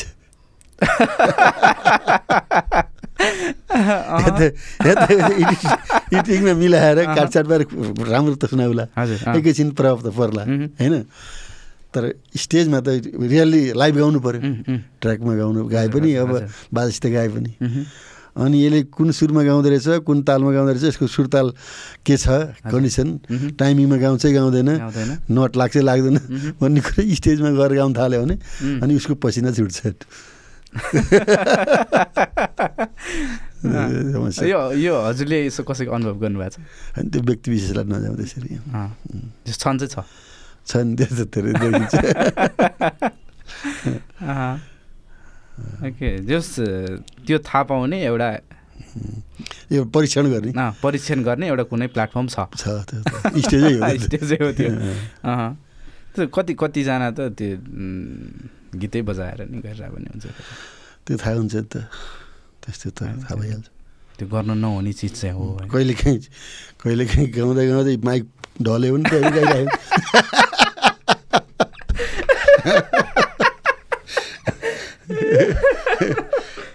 त्यहाँ गाइरहेको यस्तो हुन्छ माइक छैन होइन त गएकै। हो।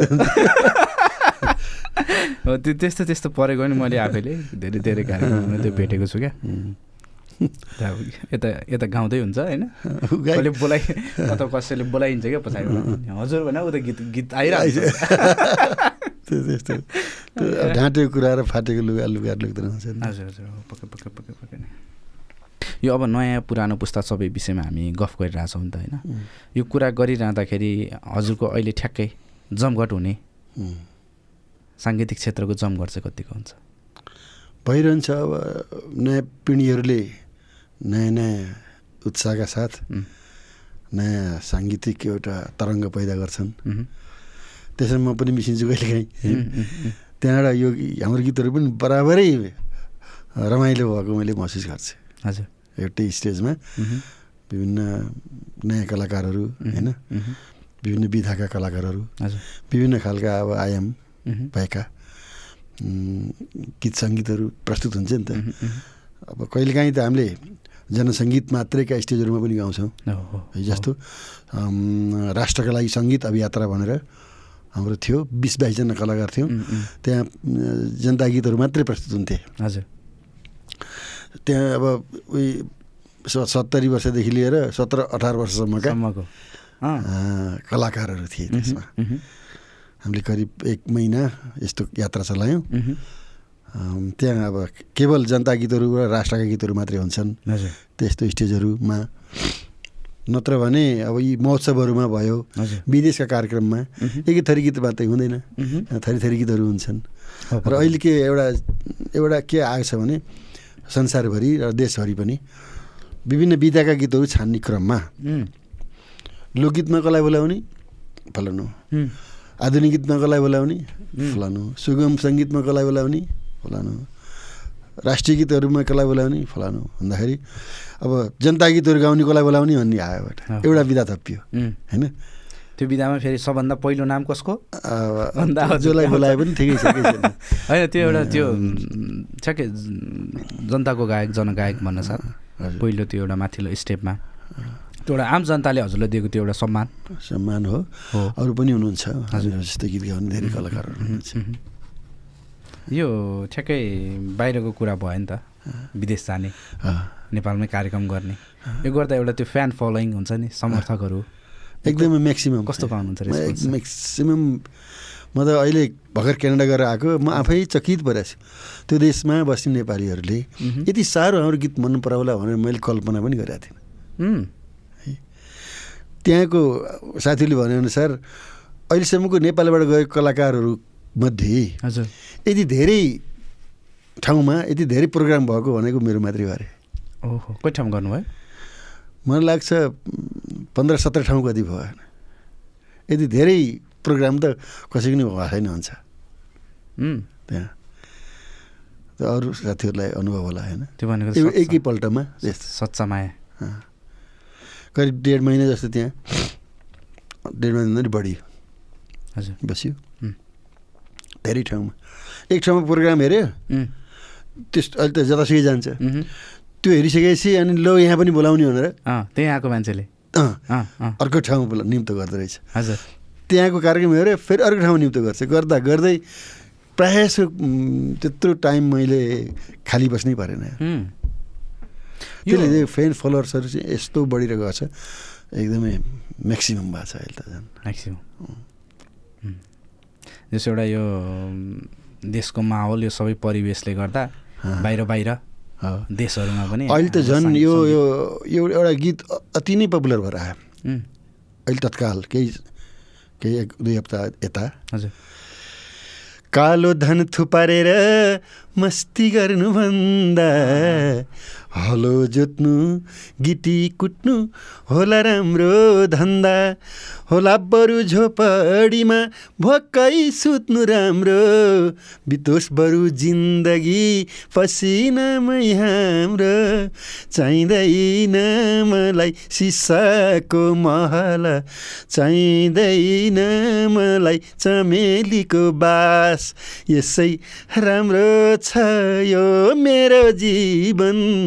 चाहिँदैन मलाई सम्पत्तिको रास भनियो। भ्रष्टाचारको विरुद्धमा गीत। पनि है। पारेको गीत अहिले त सब देश विदेशमा एकदम सेयर गरेर खायो। टिकटकहरू पनि धेरै बनिरहेको छ। त्यो। यो बाहिर देशमा कार्यक्रम गर्ने नेपालमै चाहिँ अब महोत्सवहरू मेलातिर नै पुगिरहनु भएको हुन्छ। यो सबै गर्दा अलिअलि कता कता आर्थिक पाटोसँग पनि सपोर्ट भएको छ धेरै जोडिन्छ। जोडिन्छ। त्यसले पछिल्लो कालमा निकै सपोर्ट भएको छ यसबाट. है। अब पोहोर परारतिर केही केही दुई- चार वर्ष अगाडिसम्म त जब असार लाग्छ कसरी कोठाबाट तिर्ने होला भन्ने मात्रै सुर्ता हुन्थ्यो। कोठा छोड्ने। बेसीजनले गर्दा। बेसीजनले। चैत वैशाखसम्म त अलिअलि कार्यक्रमहरू जाने भइरहेको कार्यक्रम हुन्छ। भइरहेको हुन्छ हजुर। जेठ लागेपछि कार्यक्रम पनि बन्द हुन्छ।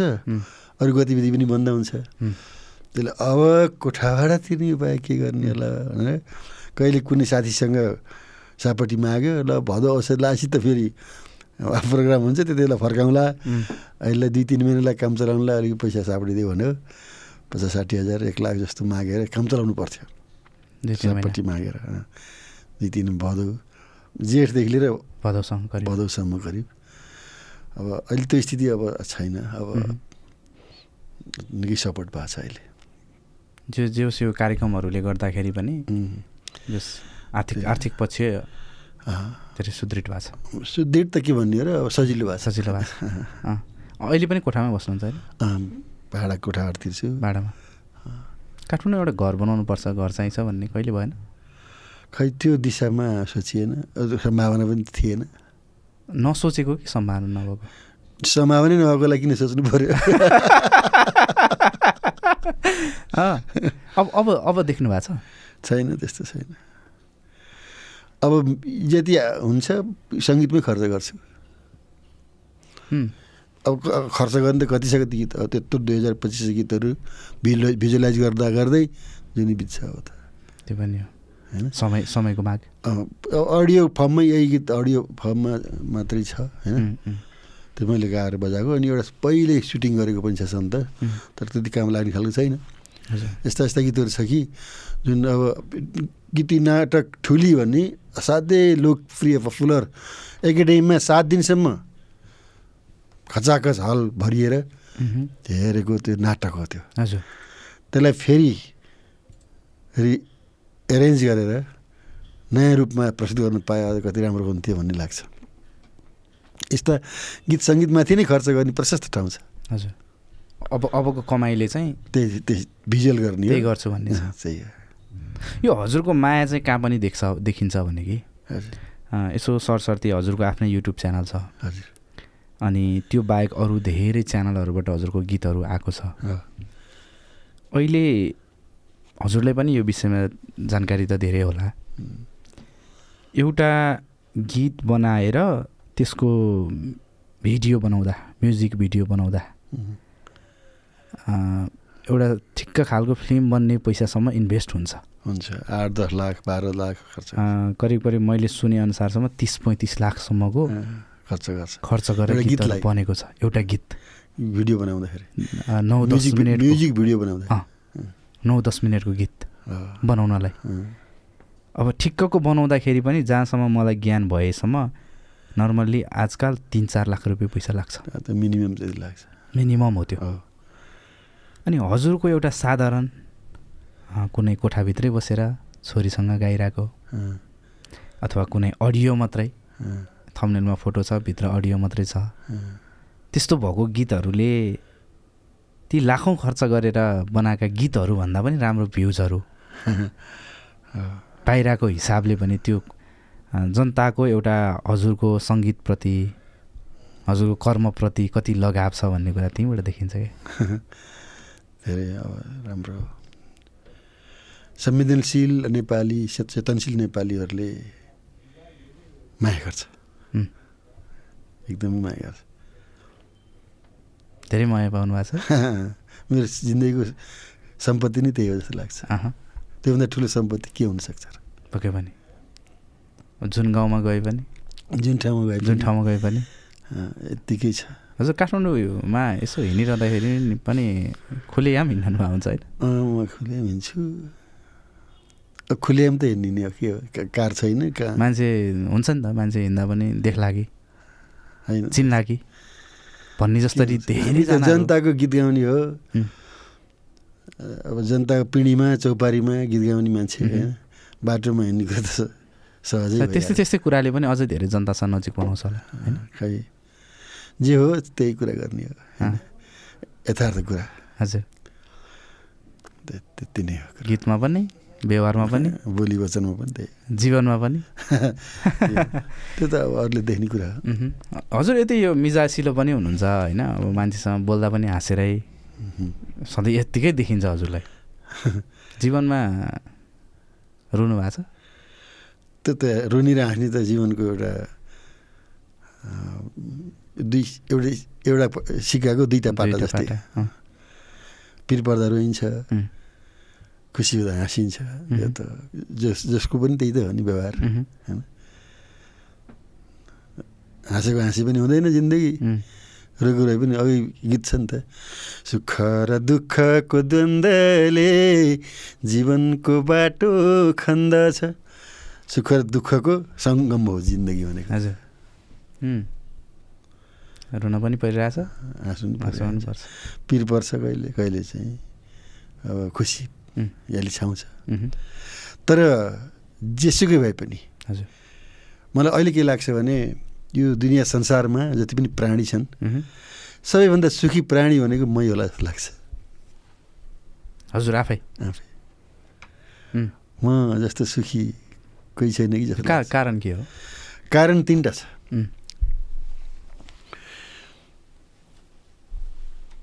हाम्रो दिमागमा तिन किसिमका फोल्डरहरू छन्। सबभन्दा पावरफुल। हजारौँ हजार गिगाबाइट स्पेस ओगटेका। है। टेराबाइट। टेराबाइट है।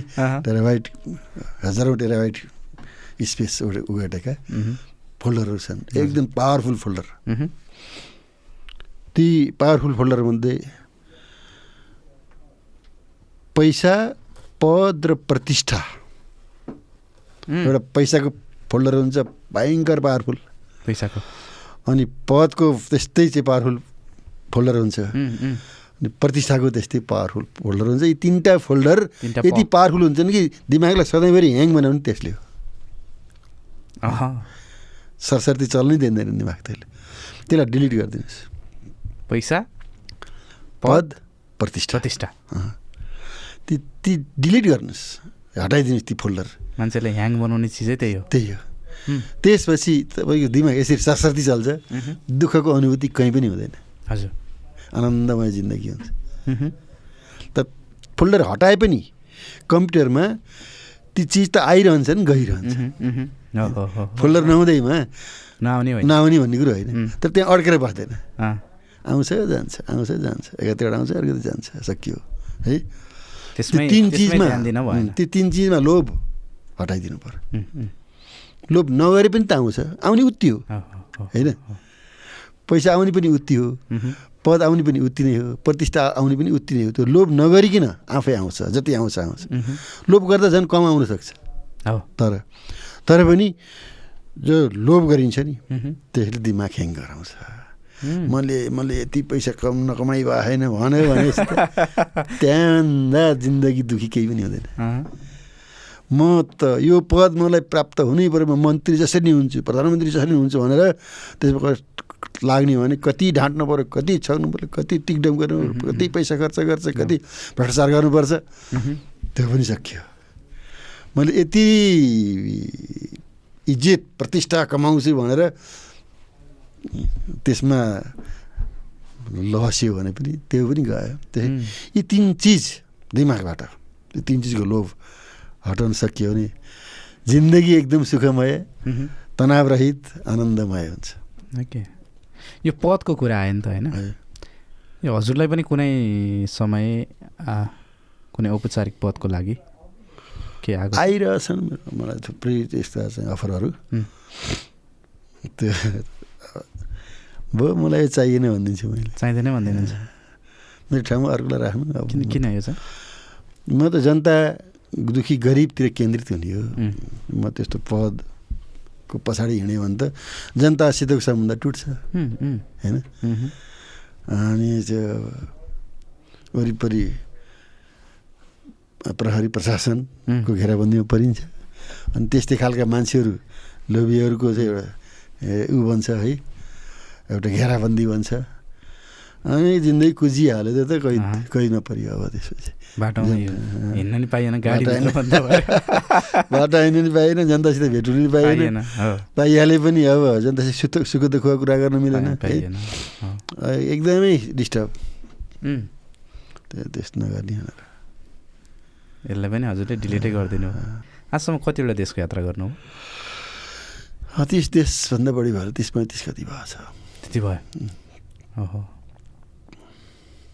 रिसेन्टली जानुभएको त क्यानाडा अब प्लानमा के छ अब युकेतिरबाट साथीहरूले निम्तो गर्दैछ हुनुहुन्छ त्यसपछि अमेरिकातिरबाट पनि कुरा आएको छ युकेबाट त इन्भाइटेसन लेटर पठाइसक्नु भएको छ प्रोसेसिङमा प्रोसेसिङमा छ अमेरिकाबाट पनि आज भोलितिर आउँछ कि इन्भाइटेसन वैदेशिक यात्राको एउटा क्यु छ किन छ त्यो अस्ट्रेलियातिर नि साथीहरू ए कुरा गर्दै हुनुहुन्छ यो पैँतिसवटा देश हुन त धेरै हो नि त होइन? धेरै।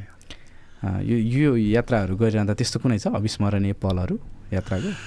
छ पहिला फर्स्टमा हङकङ जाँदाखेरिको मेरो अनुभूति यस्तो छ। हङकङमा बस्ने अब त्यो धन कमाएर बसेको होला पक्कै पनि भन्ने मलाई त्यो कमाएको पनि छन्। हजुर। त्यहाँको नेपालीहरू। त्यस्तो धनी धन कमाएर बसेको नेपालीको बिचमा मैले गएर गीत गाउँदा के होला? कौतूहलता थियो। मनमा। हजुर। है? अनि म त अब अलिकति सङ्कोच अलिकति डर जस्तो गीतहरू गाउँदा गाउँदै अब आउट आउट भन्ने हो कि? है। हुटिङ गर्ने हो कि? हजुर। त्यस्तो हुन्छ नि त मन नपरेपछि त आउट भनिदिइहाल्छ उनलाई के मतलब? त्यस्तो लागिरहेको थियो। त सबै धेरै साथीहरूले गीत गाउनुभयो विभिन्न थरीका गीतहरू। मैले दुईवटा गीत गाएको दुई ति- तिनवटा कति गाएँ। एकदमै म्याक्सिमम् राम्रो पऱ्यो पऱ्यो रेस्पोन्स त्यस्तो ए ताली लाएर त्यो यस्तो बत्ती बालिदिएर है कस्तो कस्तो भयो त्यहाँ त त्यो त मलाई यस्तो अब अनएक्सपेक्टेड ठ्याक्कै उल्टो उल्टो मनोदशा पैदा भयो त्यो एउटा चाहिँ पहिलो सधैँ सम्झिनुहुन्छ। समुद्र पारको यात्राको पहिलो अनुभूति त्यस्तो यो सम्झिन्छ पहिलो पहिलोचोटि प्लेन चढ्नुभएको कुन? त्यही हो कि? प्लेन त अब इन्डिया जाँदै नि चढिएको थियो। हजुर। होइन? तर समुद्र पारी गएको। चाहिँ त्यही। त्यही यो धेरै देशको यात्रा गर्दा होइन? धेरै ठाउँहरूको यात्रा गर्दा यो खानेकुरामा चाहिँ अलि अलि बेसी हजुरलाई मनपर्ने? कुनै त्यस्तो परिकार? त्यो जे भेटिन्छ त्यही खाने त्यो स्पेसल मेरो केही पनि छैन। जस्तो यो चिज चाहिँ भन्ने छैन कि छैन केही छैन।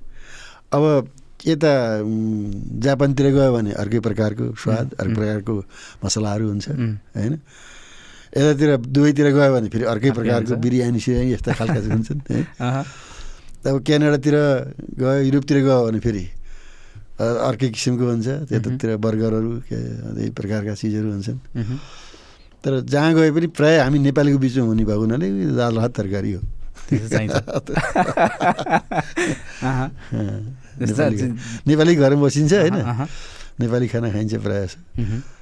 यसो विश्वको जुन कुनामा गए पनि नेपालीको आफ्नै स्टाइल छँदैछ दाल भात चाहिँ। छ।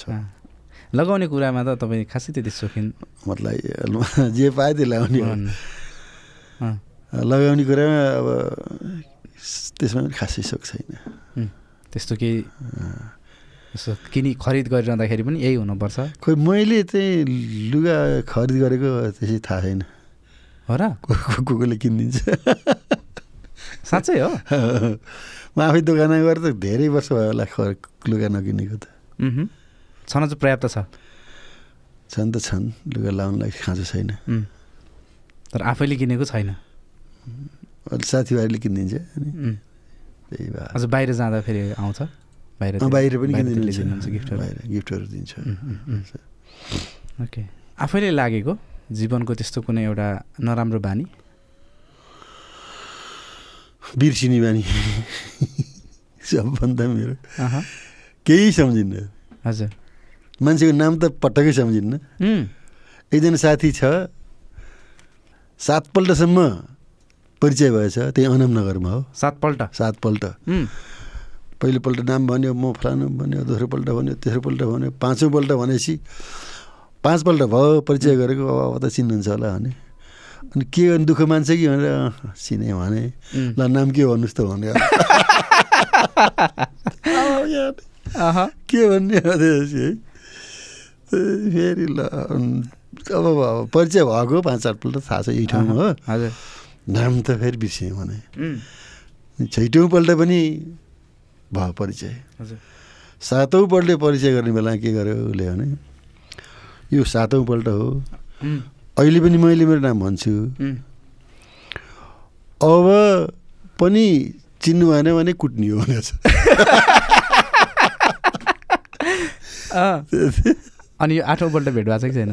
अब भेट भयो भने त तर्केर हेर्नु याद छैन अहिले नि? छैन के हो के बिर्सिन्छु कि एकदमै म त। यो नाम मात्रै कि अरू अरू कुराहरू पनि? नाम बिर्सिन्छु मान्छे नाम विशेष त। विशेष गरेर। अब पढाइ बिर्सिने भए त त्यत्रो आउँदै आउँदै आउँदैन थिएन होला। कसरी फर्स्ट फर्स्ट हुन्थेँ? त्यही त। कैयौँ कुराहरू एकदमै सम्झिन्छ। कतिपय कुराहरू बिर्सिहालिन्छ जस्तो गीतकै शब्दको कुरा। शब्द त फेरि सम्झिन्छ। सम्झिँदै गएको कुरा चाहिँ सम्झिन्छ। अब हुन त हजुरको सरस्वती हेर्दाखेरि धेरै धेरै जस्तो राम्रो बानीहरू नै देखिन्छ नि त होइन? हजुरलाई आफै आफैलाई लाग्ने चाहिँ एउटा राम्रो बानी? त्यो राम्रो त के भन्ने? कुनै एउटा? खोइ के के के बानी राम्रो छ जस्तो लाग्दैन? यस्तो विशेष त। सबै राम्रै? ठिक ठिकै ठिक ठिकै। त्यति हदै राम्रो पनि केही छैन। सबै समान लेभलमै छन् सबै कुराहरू यो जीवनमा गर्नै पर्ने चिज चाहिँ के रहेछ? गर्नै पर्ने कुरा? मेरो मेरो मान्यतामा त जनताको सेवा गर्नुभन्दा ठुलो केही पनि छैन। निस्वार्थ भावनाले हजुर। अरूको सेवा गर्ने हो। त्यो कुनै पनि माध्यमबाट हुनसक्छ। चाहे दुखी गरिबलाई कुनै राहत हुने खालका कामहरू। या उनीहरूका गीतहरू गाउने। होइन? कलाको क्षेत्रमा भन्ने हो भने सबभन्दा सुन्दर मानव जीवनको सबभन्दा सुन्दर कर्म भनेको गीत सङ्गीत हो। हजुर। गीत सङ्गीत मध्येको पनि सबभन्दा सुन्दर भनेको गरिब दुखीका गीत गाउने हो। आवाज उठाइदिने। हजुर। गीत सङ्गीत मार्फत दुखी गरिबको सेवा गर्ने हो। त्योभन्दा उत्तम काम केही होला जस्तो लाग्दैन। त्यसले सबभन्दा ठुलो आनन्द त्यसले दिन्छ। सबभन्दा धेरै आनन्द आनन्द, त्यही हो। त्यो पनि कुनै कुनै प्रलोभन बेगर बेगर है कुनै अपेक्षा रहित भएर। स्वार्थ नराखी। स्वार्थ नराखिकन। जनताको सेवा कुनै कुनै कुनै कुनै माध्यमबाट गर्न सकिन्छ। एउटा मात्रै माध्यम गीतको मात्रै माध्यम हुँदैन। अरू अरू माध्यम पनि धेरै छन्। आफ्नो आबद्ध क्षेत्रबाट कुनै न कुनै रूपमा जनताको सेवा सेवा गर्ने सेवाभन्दा ठुलो केही छैन। कर्म केही पनि छैन। केही पश्चाताप छ जिन्दगीमा छैन। पछि फर्केर हेर्दा मलाई पश्चाताप गर्ने केही ठाउँ देख्दिनँ। कुनै पनि छैन। हुन त त्यति मैले पछि फर्केर हेर्दा नि हेर्दैन। तै पनि पछुतो मान्ने जस्तो मलाई केही पनि लाग्दैन। र रमाइलो छ यात्रा जीवन यात्रा है। हजुर। यो यसरी नै बगिरहेको छ जिन्दगी। सायद हजुर यो साङ्गीतिक क्षेत्रमा नआउनु भएको भए। अब सायद त्यो छत्तिसमा त्यो आँधीबेरी आउँदैन थियो भने। कुनै इन्जिनियर हुन्थ्यो होला एक दुईवटा घर काठमाडौँ हुन्थ्यो होला त्यही खतरा थियो त्योबाट बच्ची त्यतातिर पुगिन्थ्यो होला होइन? त्यो एउटा आँधीबेरीले त्यो- छुट्टै बाटै त्यो खतराबाट बच्ची हुन्छ कि होइन? आज सायद यो सङ्गीतमा नहुनु भएको भए त्यही इन्जिनियरै हो। इन्जिनियर हुन्थ्यो होला त्यसपछि अलिअलि पैसा कमी थियो होला। न त भ्रष्टाचारीको केसमा जेल पो गइन्थ्यो कि के भन्न सकिन्न त्यति। धेरै अरू अरू धेरै सम्भावनाहरू हुन्थे। ठ्याक्कै हजुरले आफ्नो रूपमा परिभाषित गर्दाखेरि चाहिँ सङ्गीत चाहिँ के हो? सङ्गीत भनेको मान्छेको हृदयबाट प्रस्फुटित हुने एउटा प्रभावकारी भाव हो त्यो। सङ्गीत अरू बनाउन सजिलो छ अरू गीत लेख्न सजिलो होला सङ्गीत निर्माण गर्न त्यो असाध्यै कठिन काम हो त्यो त्यस मौलिक सङ्गीत सिर्जना गर्ने भनेको अरूको चोरचार। पार्ने त छुट्टै कुरा भयो हृदयबाटै आउनु पऱ्यो र त्यो भाव हो एउटा होइन सङ्गीत भनेको अमूर्त हुन्छ त्यो है। एकदमै अमूर्त भाव। माया चाहिँ के रहेछ खै त्यो त्यहाँपट्टि चाहिँ मलाई खासै त्यसको। परिभाषा चाहिँ मलाई चाहिँ आउँदैन। जस्तो जनताको आवाजहरू बोलिरहँदा हजुर त्यो पनि एउटा जनताप्रतिको माया होइन माया हो त्यो जनताको प्रतिको प्रेम हो जनप्रेम हो होइन। त्यो त्यो पनि अब त्यस्तै। सङ्गीत जस्तै भित्रबाट उर्लेर आउने एउटा भावना। छालहरू हुन्थ्यो। अब यो पढाइको कुरा गर्दाखेरि त हजुरको त्यो धेरै उतार चढाव होइन झन् झन्डै तिनबाटै छोडिसक्यो। फेरि तिनबाट एकैचोटि तिन फेल भएको सात गएर त्यहाँबाट लगातार फेरि एउटा उचाइ लिएको फेरि यता इन्जिनियरिङ ड्रप। होइन फेरि चाहिँ मास्टरसम्म कम्प्लिट गर्नुभयो। सबै पढाइ पढाइ चाहिँ के हो खास जीवनमा? पढाइ भनेको यो जीवन र जगतलाई। बुझ्न सजिलो पार्ने एउटा माध्यम हो। पढाइ आफै ज्ञान होइन। हजुर। ज्ञान प्राप्तिको लागि त्यसले मद्दत दिन्छ।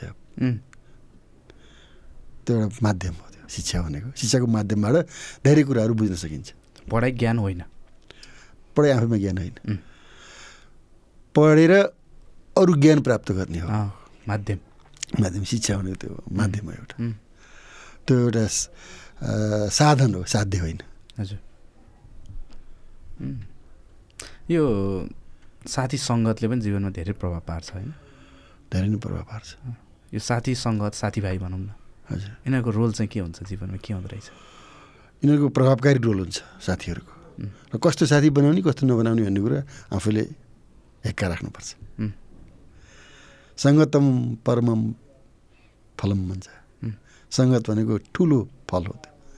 सङ्गतबाट कस्ता कस्ता राम्रा फल पनि आउँछन् नराम्रा फल नराम्रो सङ्गत पऱ्यो भने नराम्रो फल आउँछ। राम्रो सङ्गत पऱ्यो भने राम्रै फल आउँछ। सङ्गत गुनाको फल। सङ्गत गुनाको फल हो।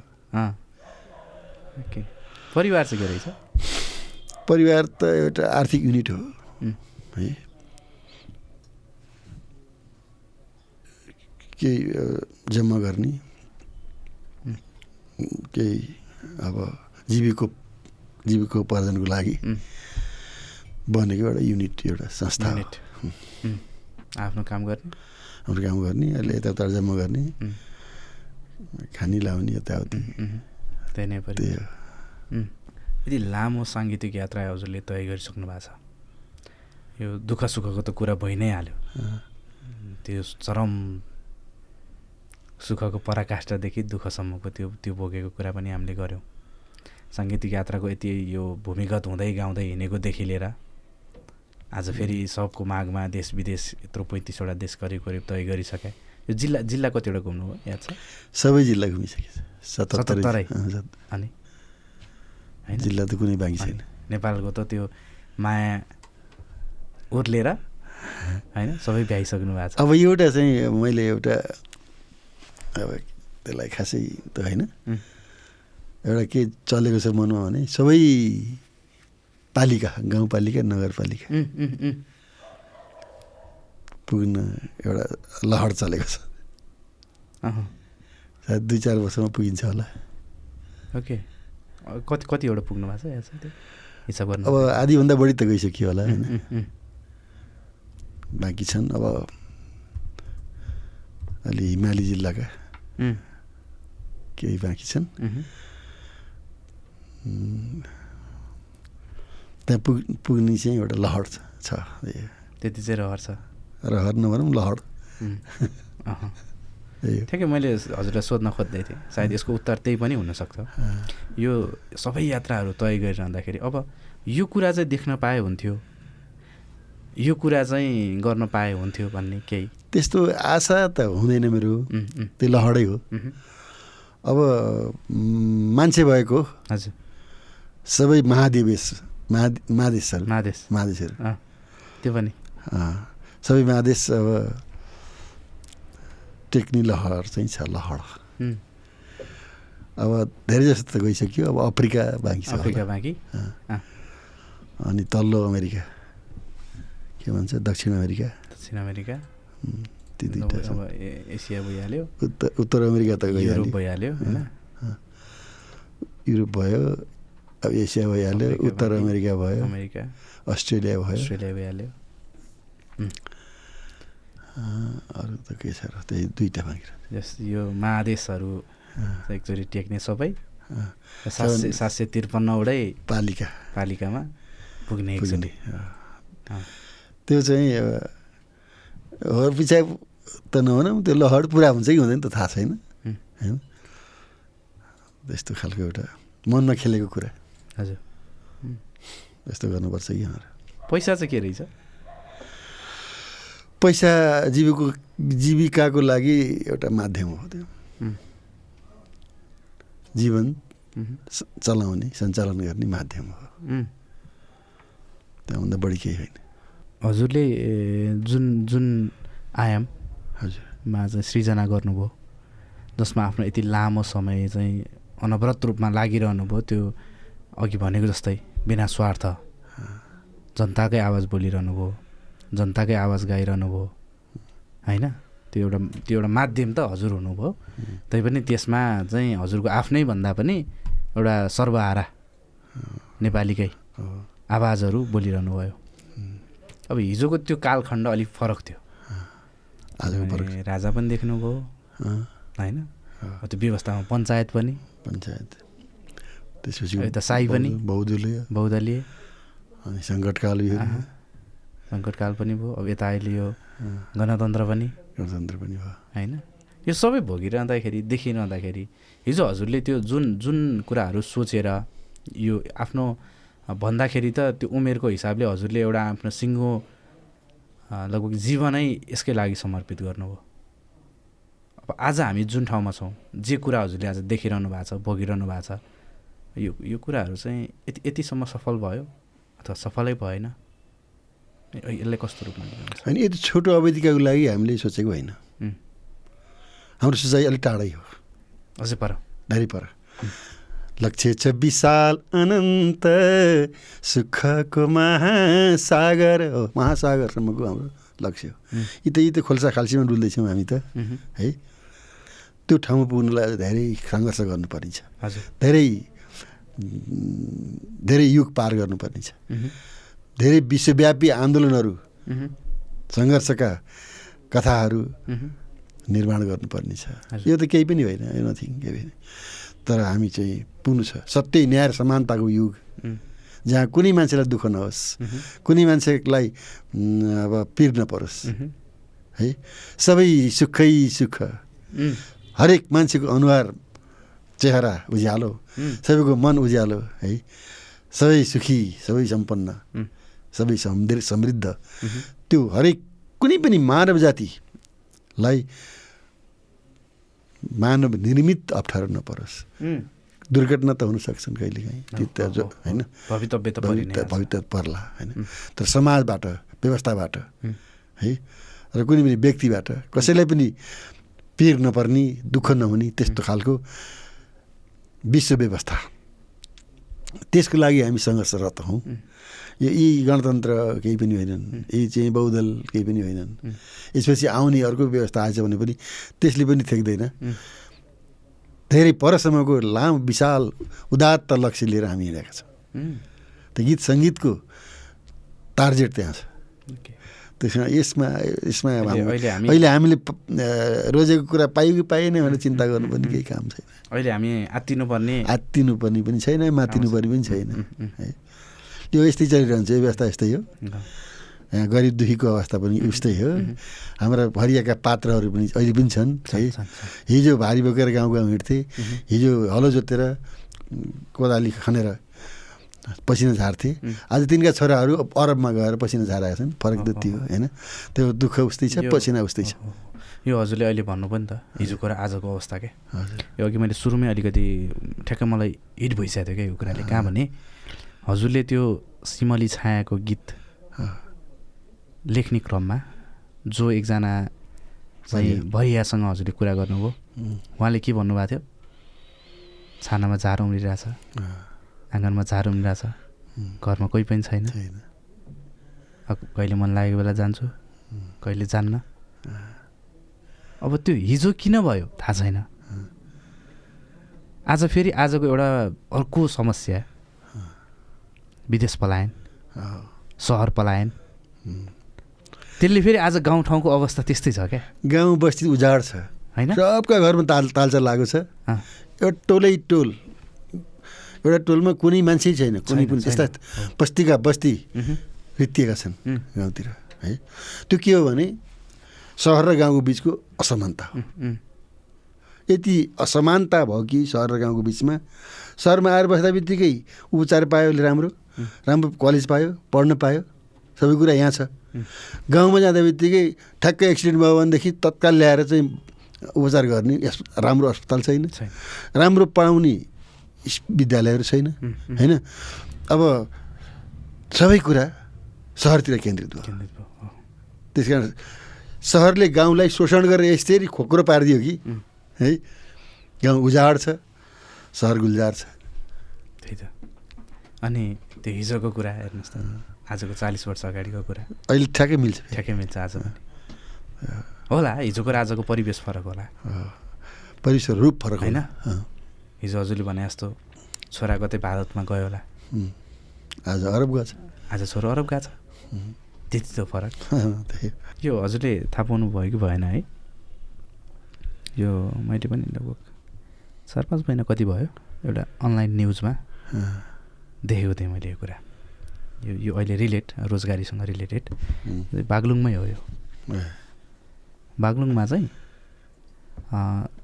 सबैजना परिवारको चाहिँ बाहिर।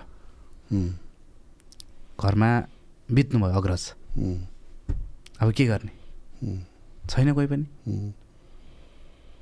मान्छे नभएपछि के गर्ने अब? भनेपछि बजारबाट डिप फ्रिज। त्यो मासुहरू हालेर राख्ने हुन्छ नि।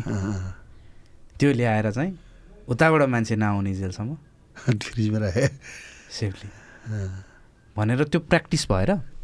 अहिले त्यहाँको स्वास्थ्य संस्थामा चाहिँ त्यो डिप फ्रिज राखिएको छ अरे क्या ए, जसको चाहिँ छोराहरू। आफन्तहरू विदेश छ चार पाँच दिन लाग्छ यता। बितेपछि। लगेर टिकट काट्दा के गर्दा चार पाँच दिन लाग्छ लाग्छ। त्यो हेर्दाखेरि अब आधुनिकीकरण पनि जोडिएला त्योसँग जोडिन तर त्यो एउटा मानवीय हिसाबले हेर्दाखेरि त त्यो त अति संवेदनशील भएको छ। धेरै संवेदनशील कुरा छ नि त। ठिक हो। यो यो यो सबै कुराहरूसँग लड्दै जुत्दै बोल्दै बाँच्दै भाग्दै लुक्दै होइन? अगाडि बढिरहनु भएको थियो। अब अहिले आजको यो रिसेन्ट परिवेशमा हामी कुरा गरिरहँदा आजको परिवेशमा कुरा गरिरहँदा हजुर एउटा सङ्गीतसँग जोडिएको मान्छे मात्रै होइन। त्यो जनमनसँग जोडिएको मान्छे भएर सूक्ष्म रूपमा राजनीतिक गतिविधिहरू यहाँका उथलपुथलहरू व्यवस्थाहरू त्यो सबै हजुरले देख्नु भएको छ भोग्नु भएको छ अझै विशेष त बुझ्नु भएको छ। अहिले एउटा आयाम छ नि त देशभरि नै। युवा आउनुपर्छ।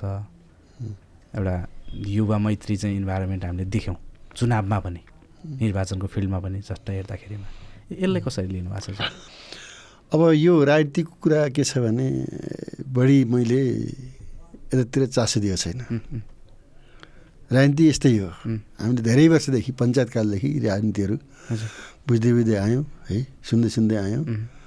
कहिले के हराउँछ कहिले के हराउँछ एक किसिमको हुँदैन। है कहिले हो प्रजातन्त्र भन्छ कहिले के भन्छ कहिले गणतन्त्र भनेको छ कहिले के भनेको छ। जबसम्म जनताको जीवनमा सकारात्मक परिवर्तन आउँदैन एउटा परिणाममुखी रिजल्ट आउँदैन है? त्यो बेलासम्म यी सानोतिना केही भन्न सकिँदैन। यसै भन्न गाह्रो छ। अब कतिपय व्यक्ति पात्रहरू राम्रा छन् तिनीहरूलाई चाहिँ राम्रै मान्नु पऱ्यो होइन? तर समग्रमा व्यवस्थाको कुरा हो। पात्रको प्र पात्रको पात्र भन्दा नि प्रवृत्ति। प्रवृत्तिको कुरा हो। समग्र व्यवस्था कस्तो छ त? त्यसले निर्धारित गर्छ सबै कुरा। र यो व्यवस्था भनेको यस्तो भारतमा पनि गणतन्त्र छ पाकिस्तानमा गणतन्त्र छ श्रीलङ्कामा पनि गणतन्त्रै छ होइन? बङ्गलादेशमा गणतन्त्र छ। त्यहाँका गरिब कति छन् भन्नुहोस् त? त्यहाँ दुःखी कति छन्?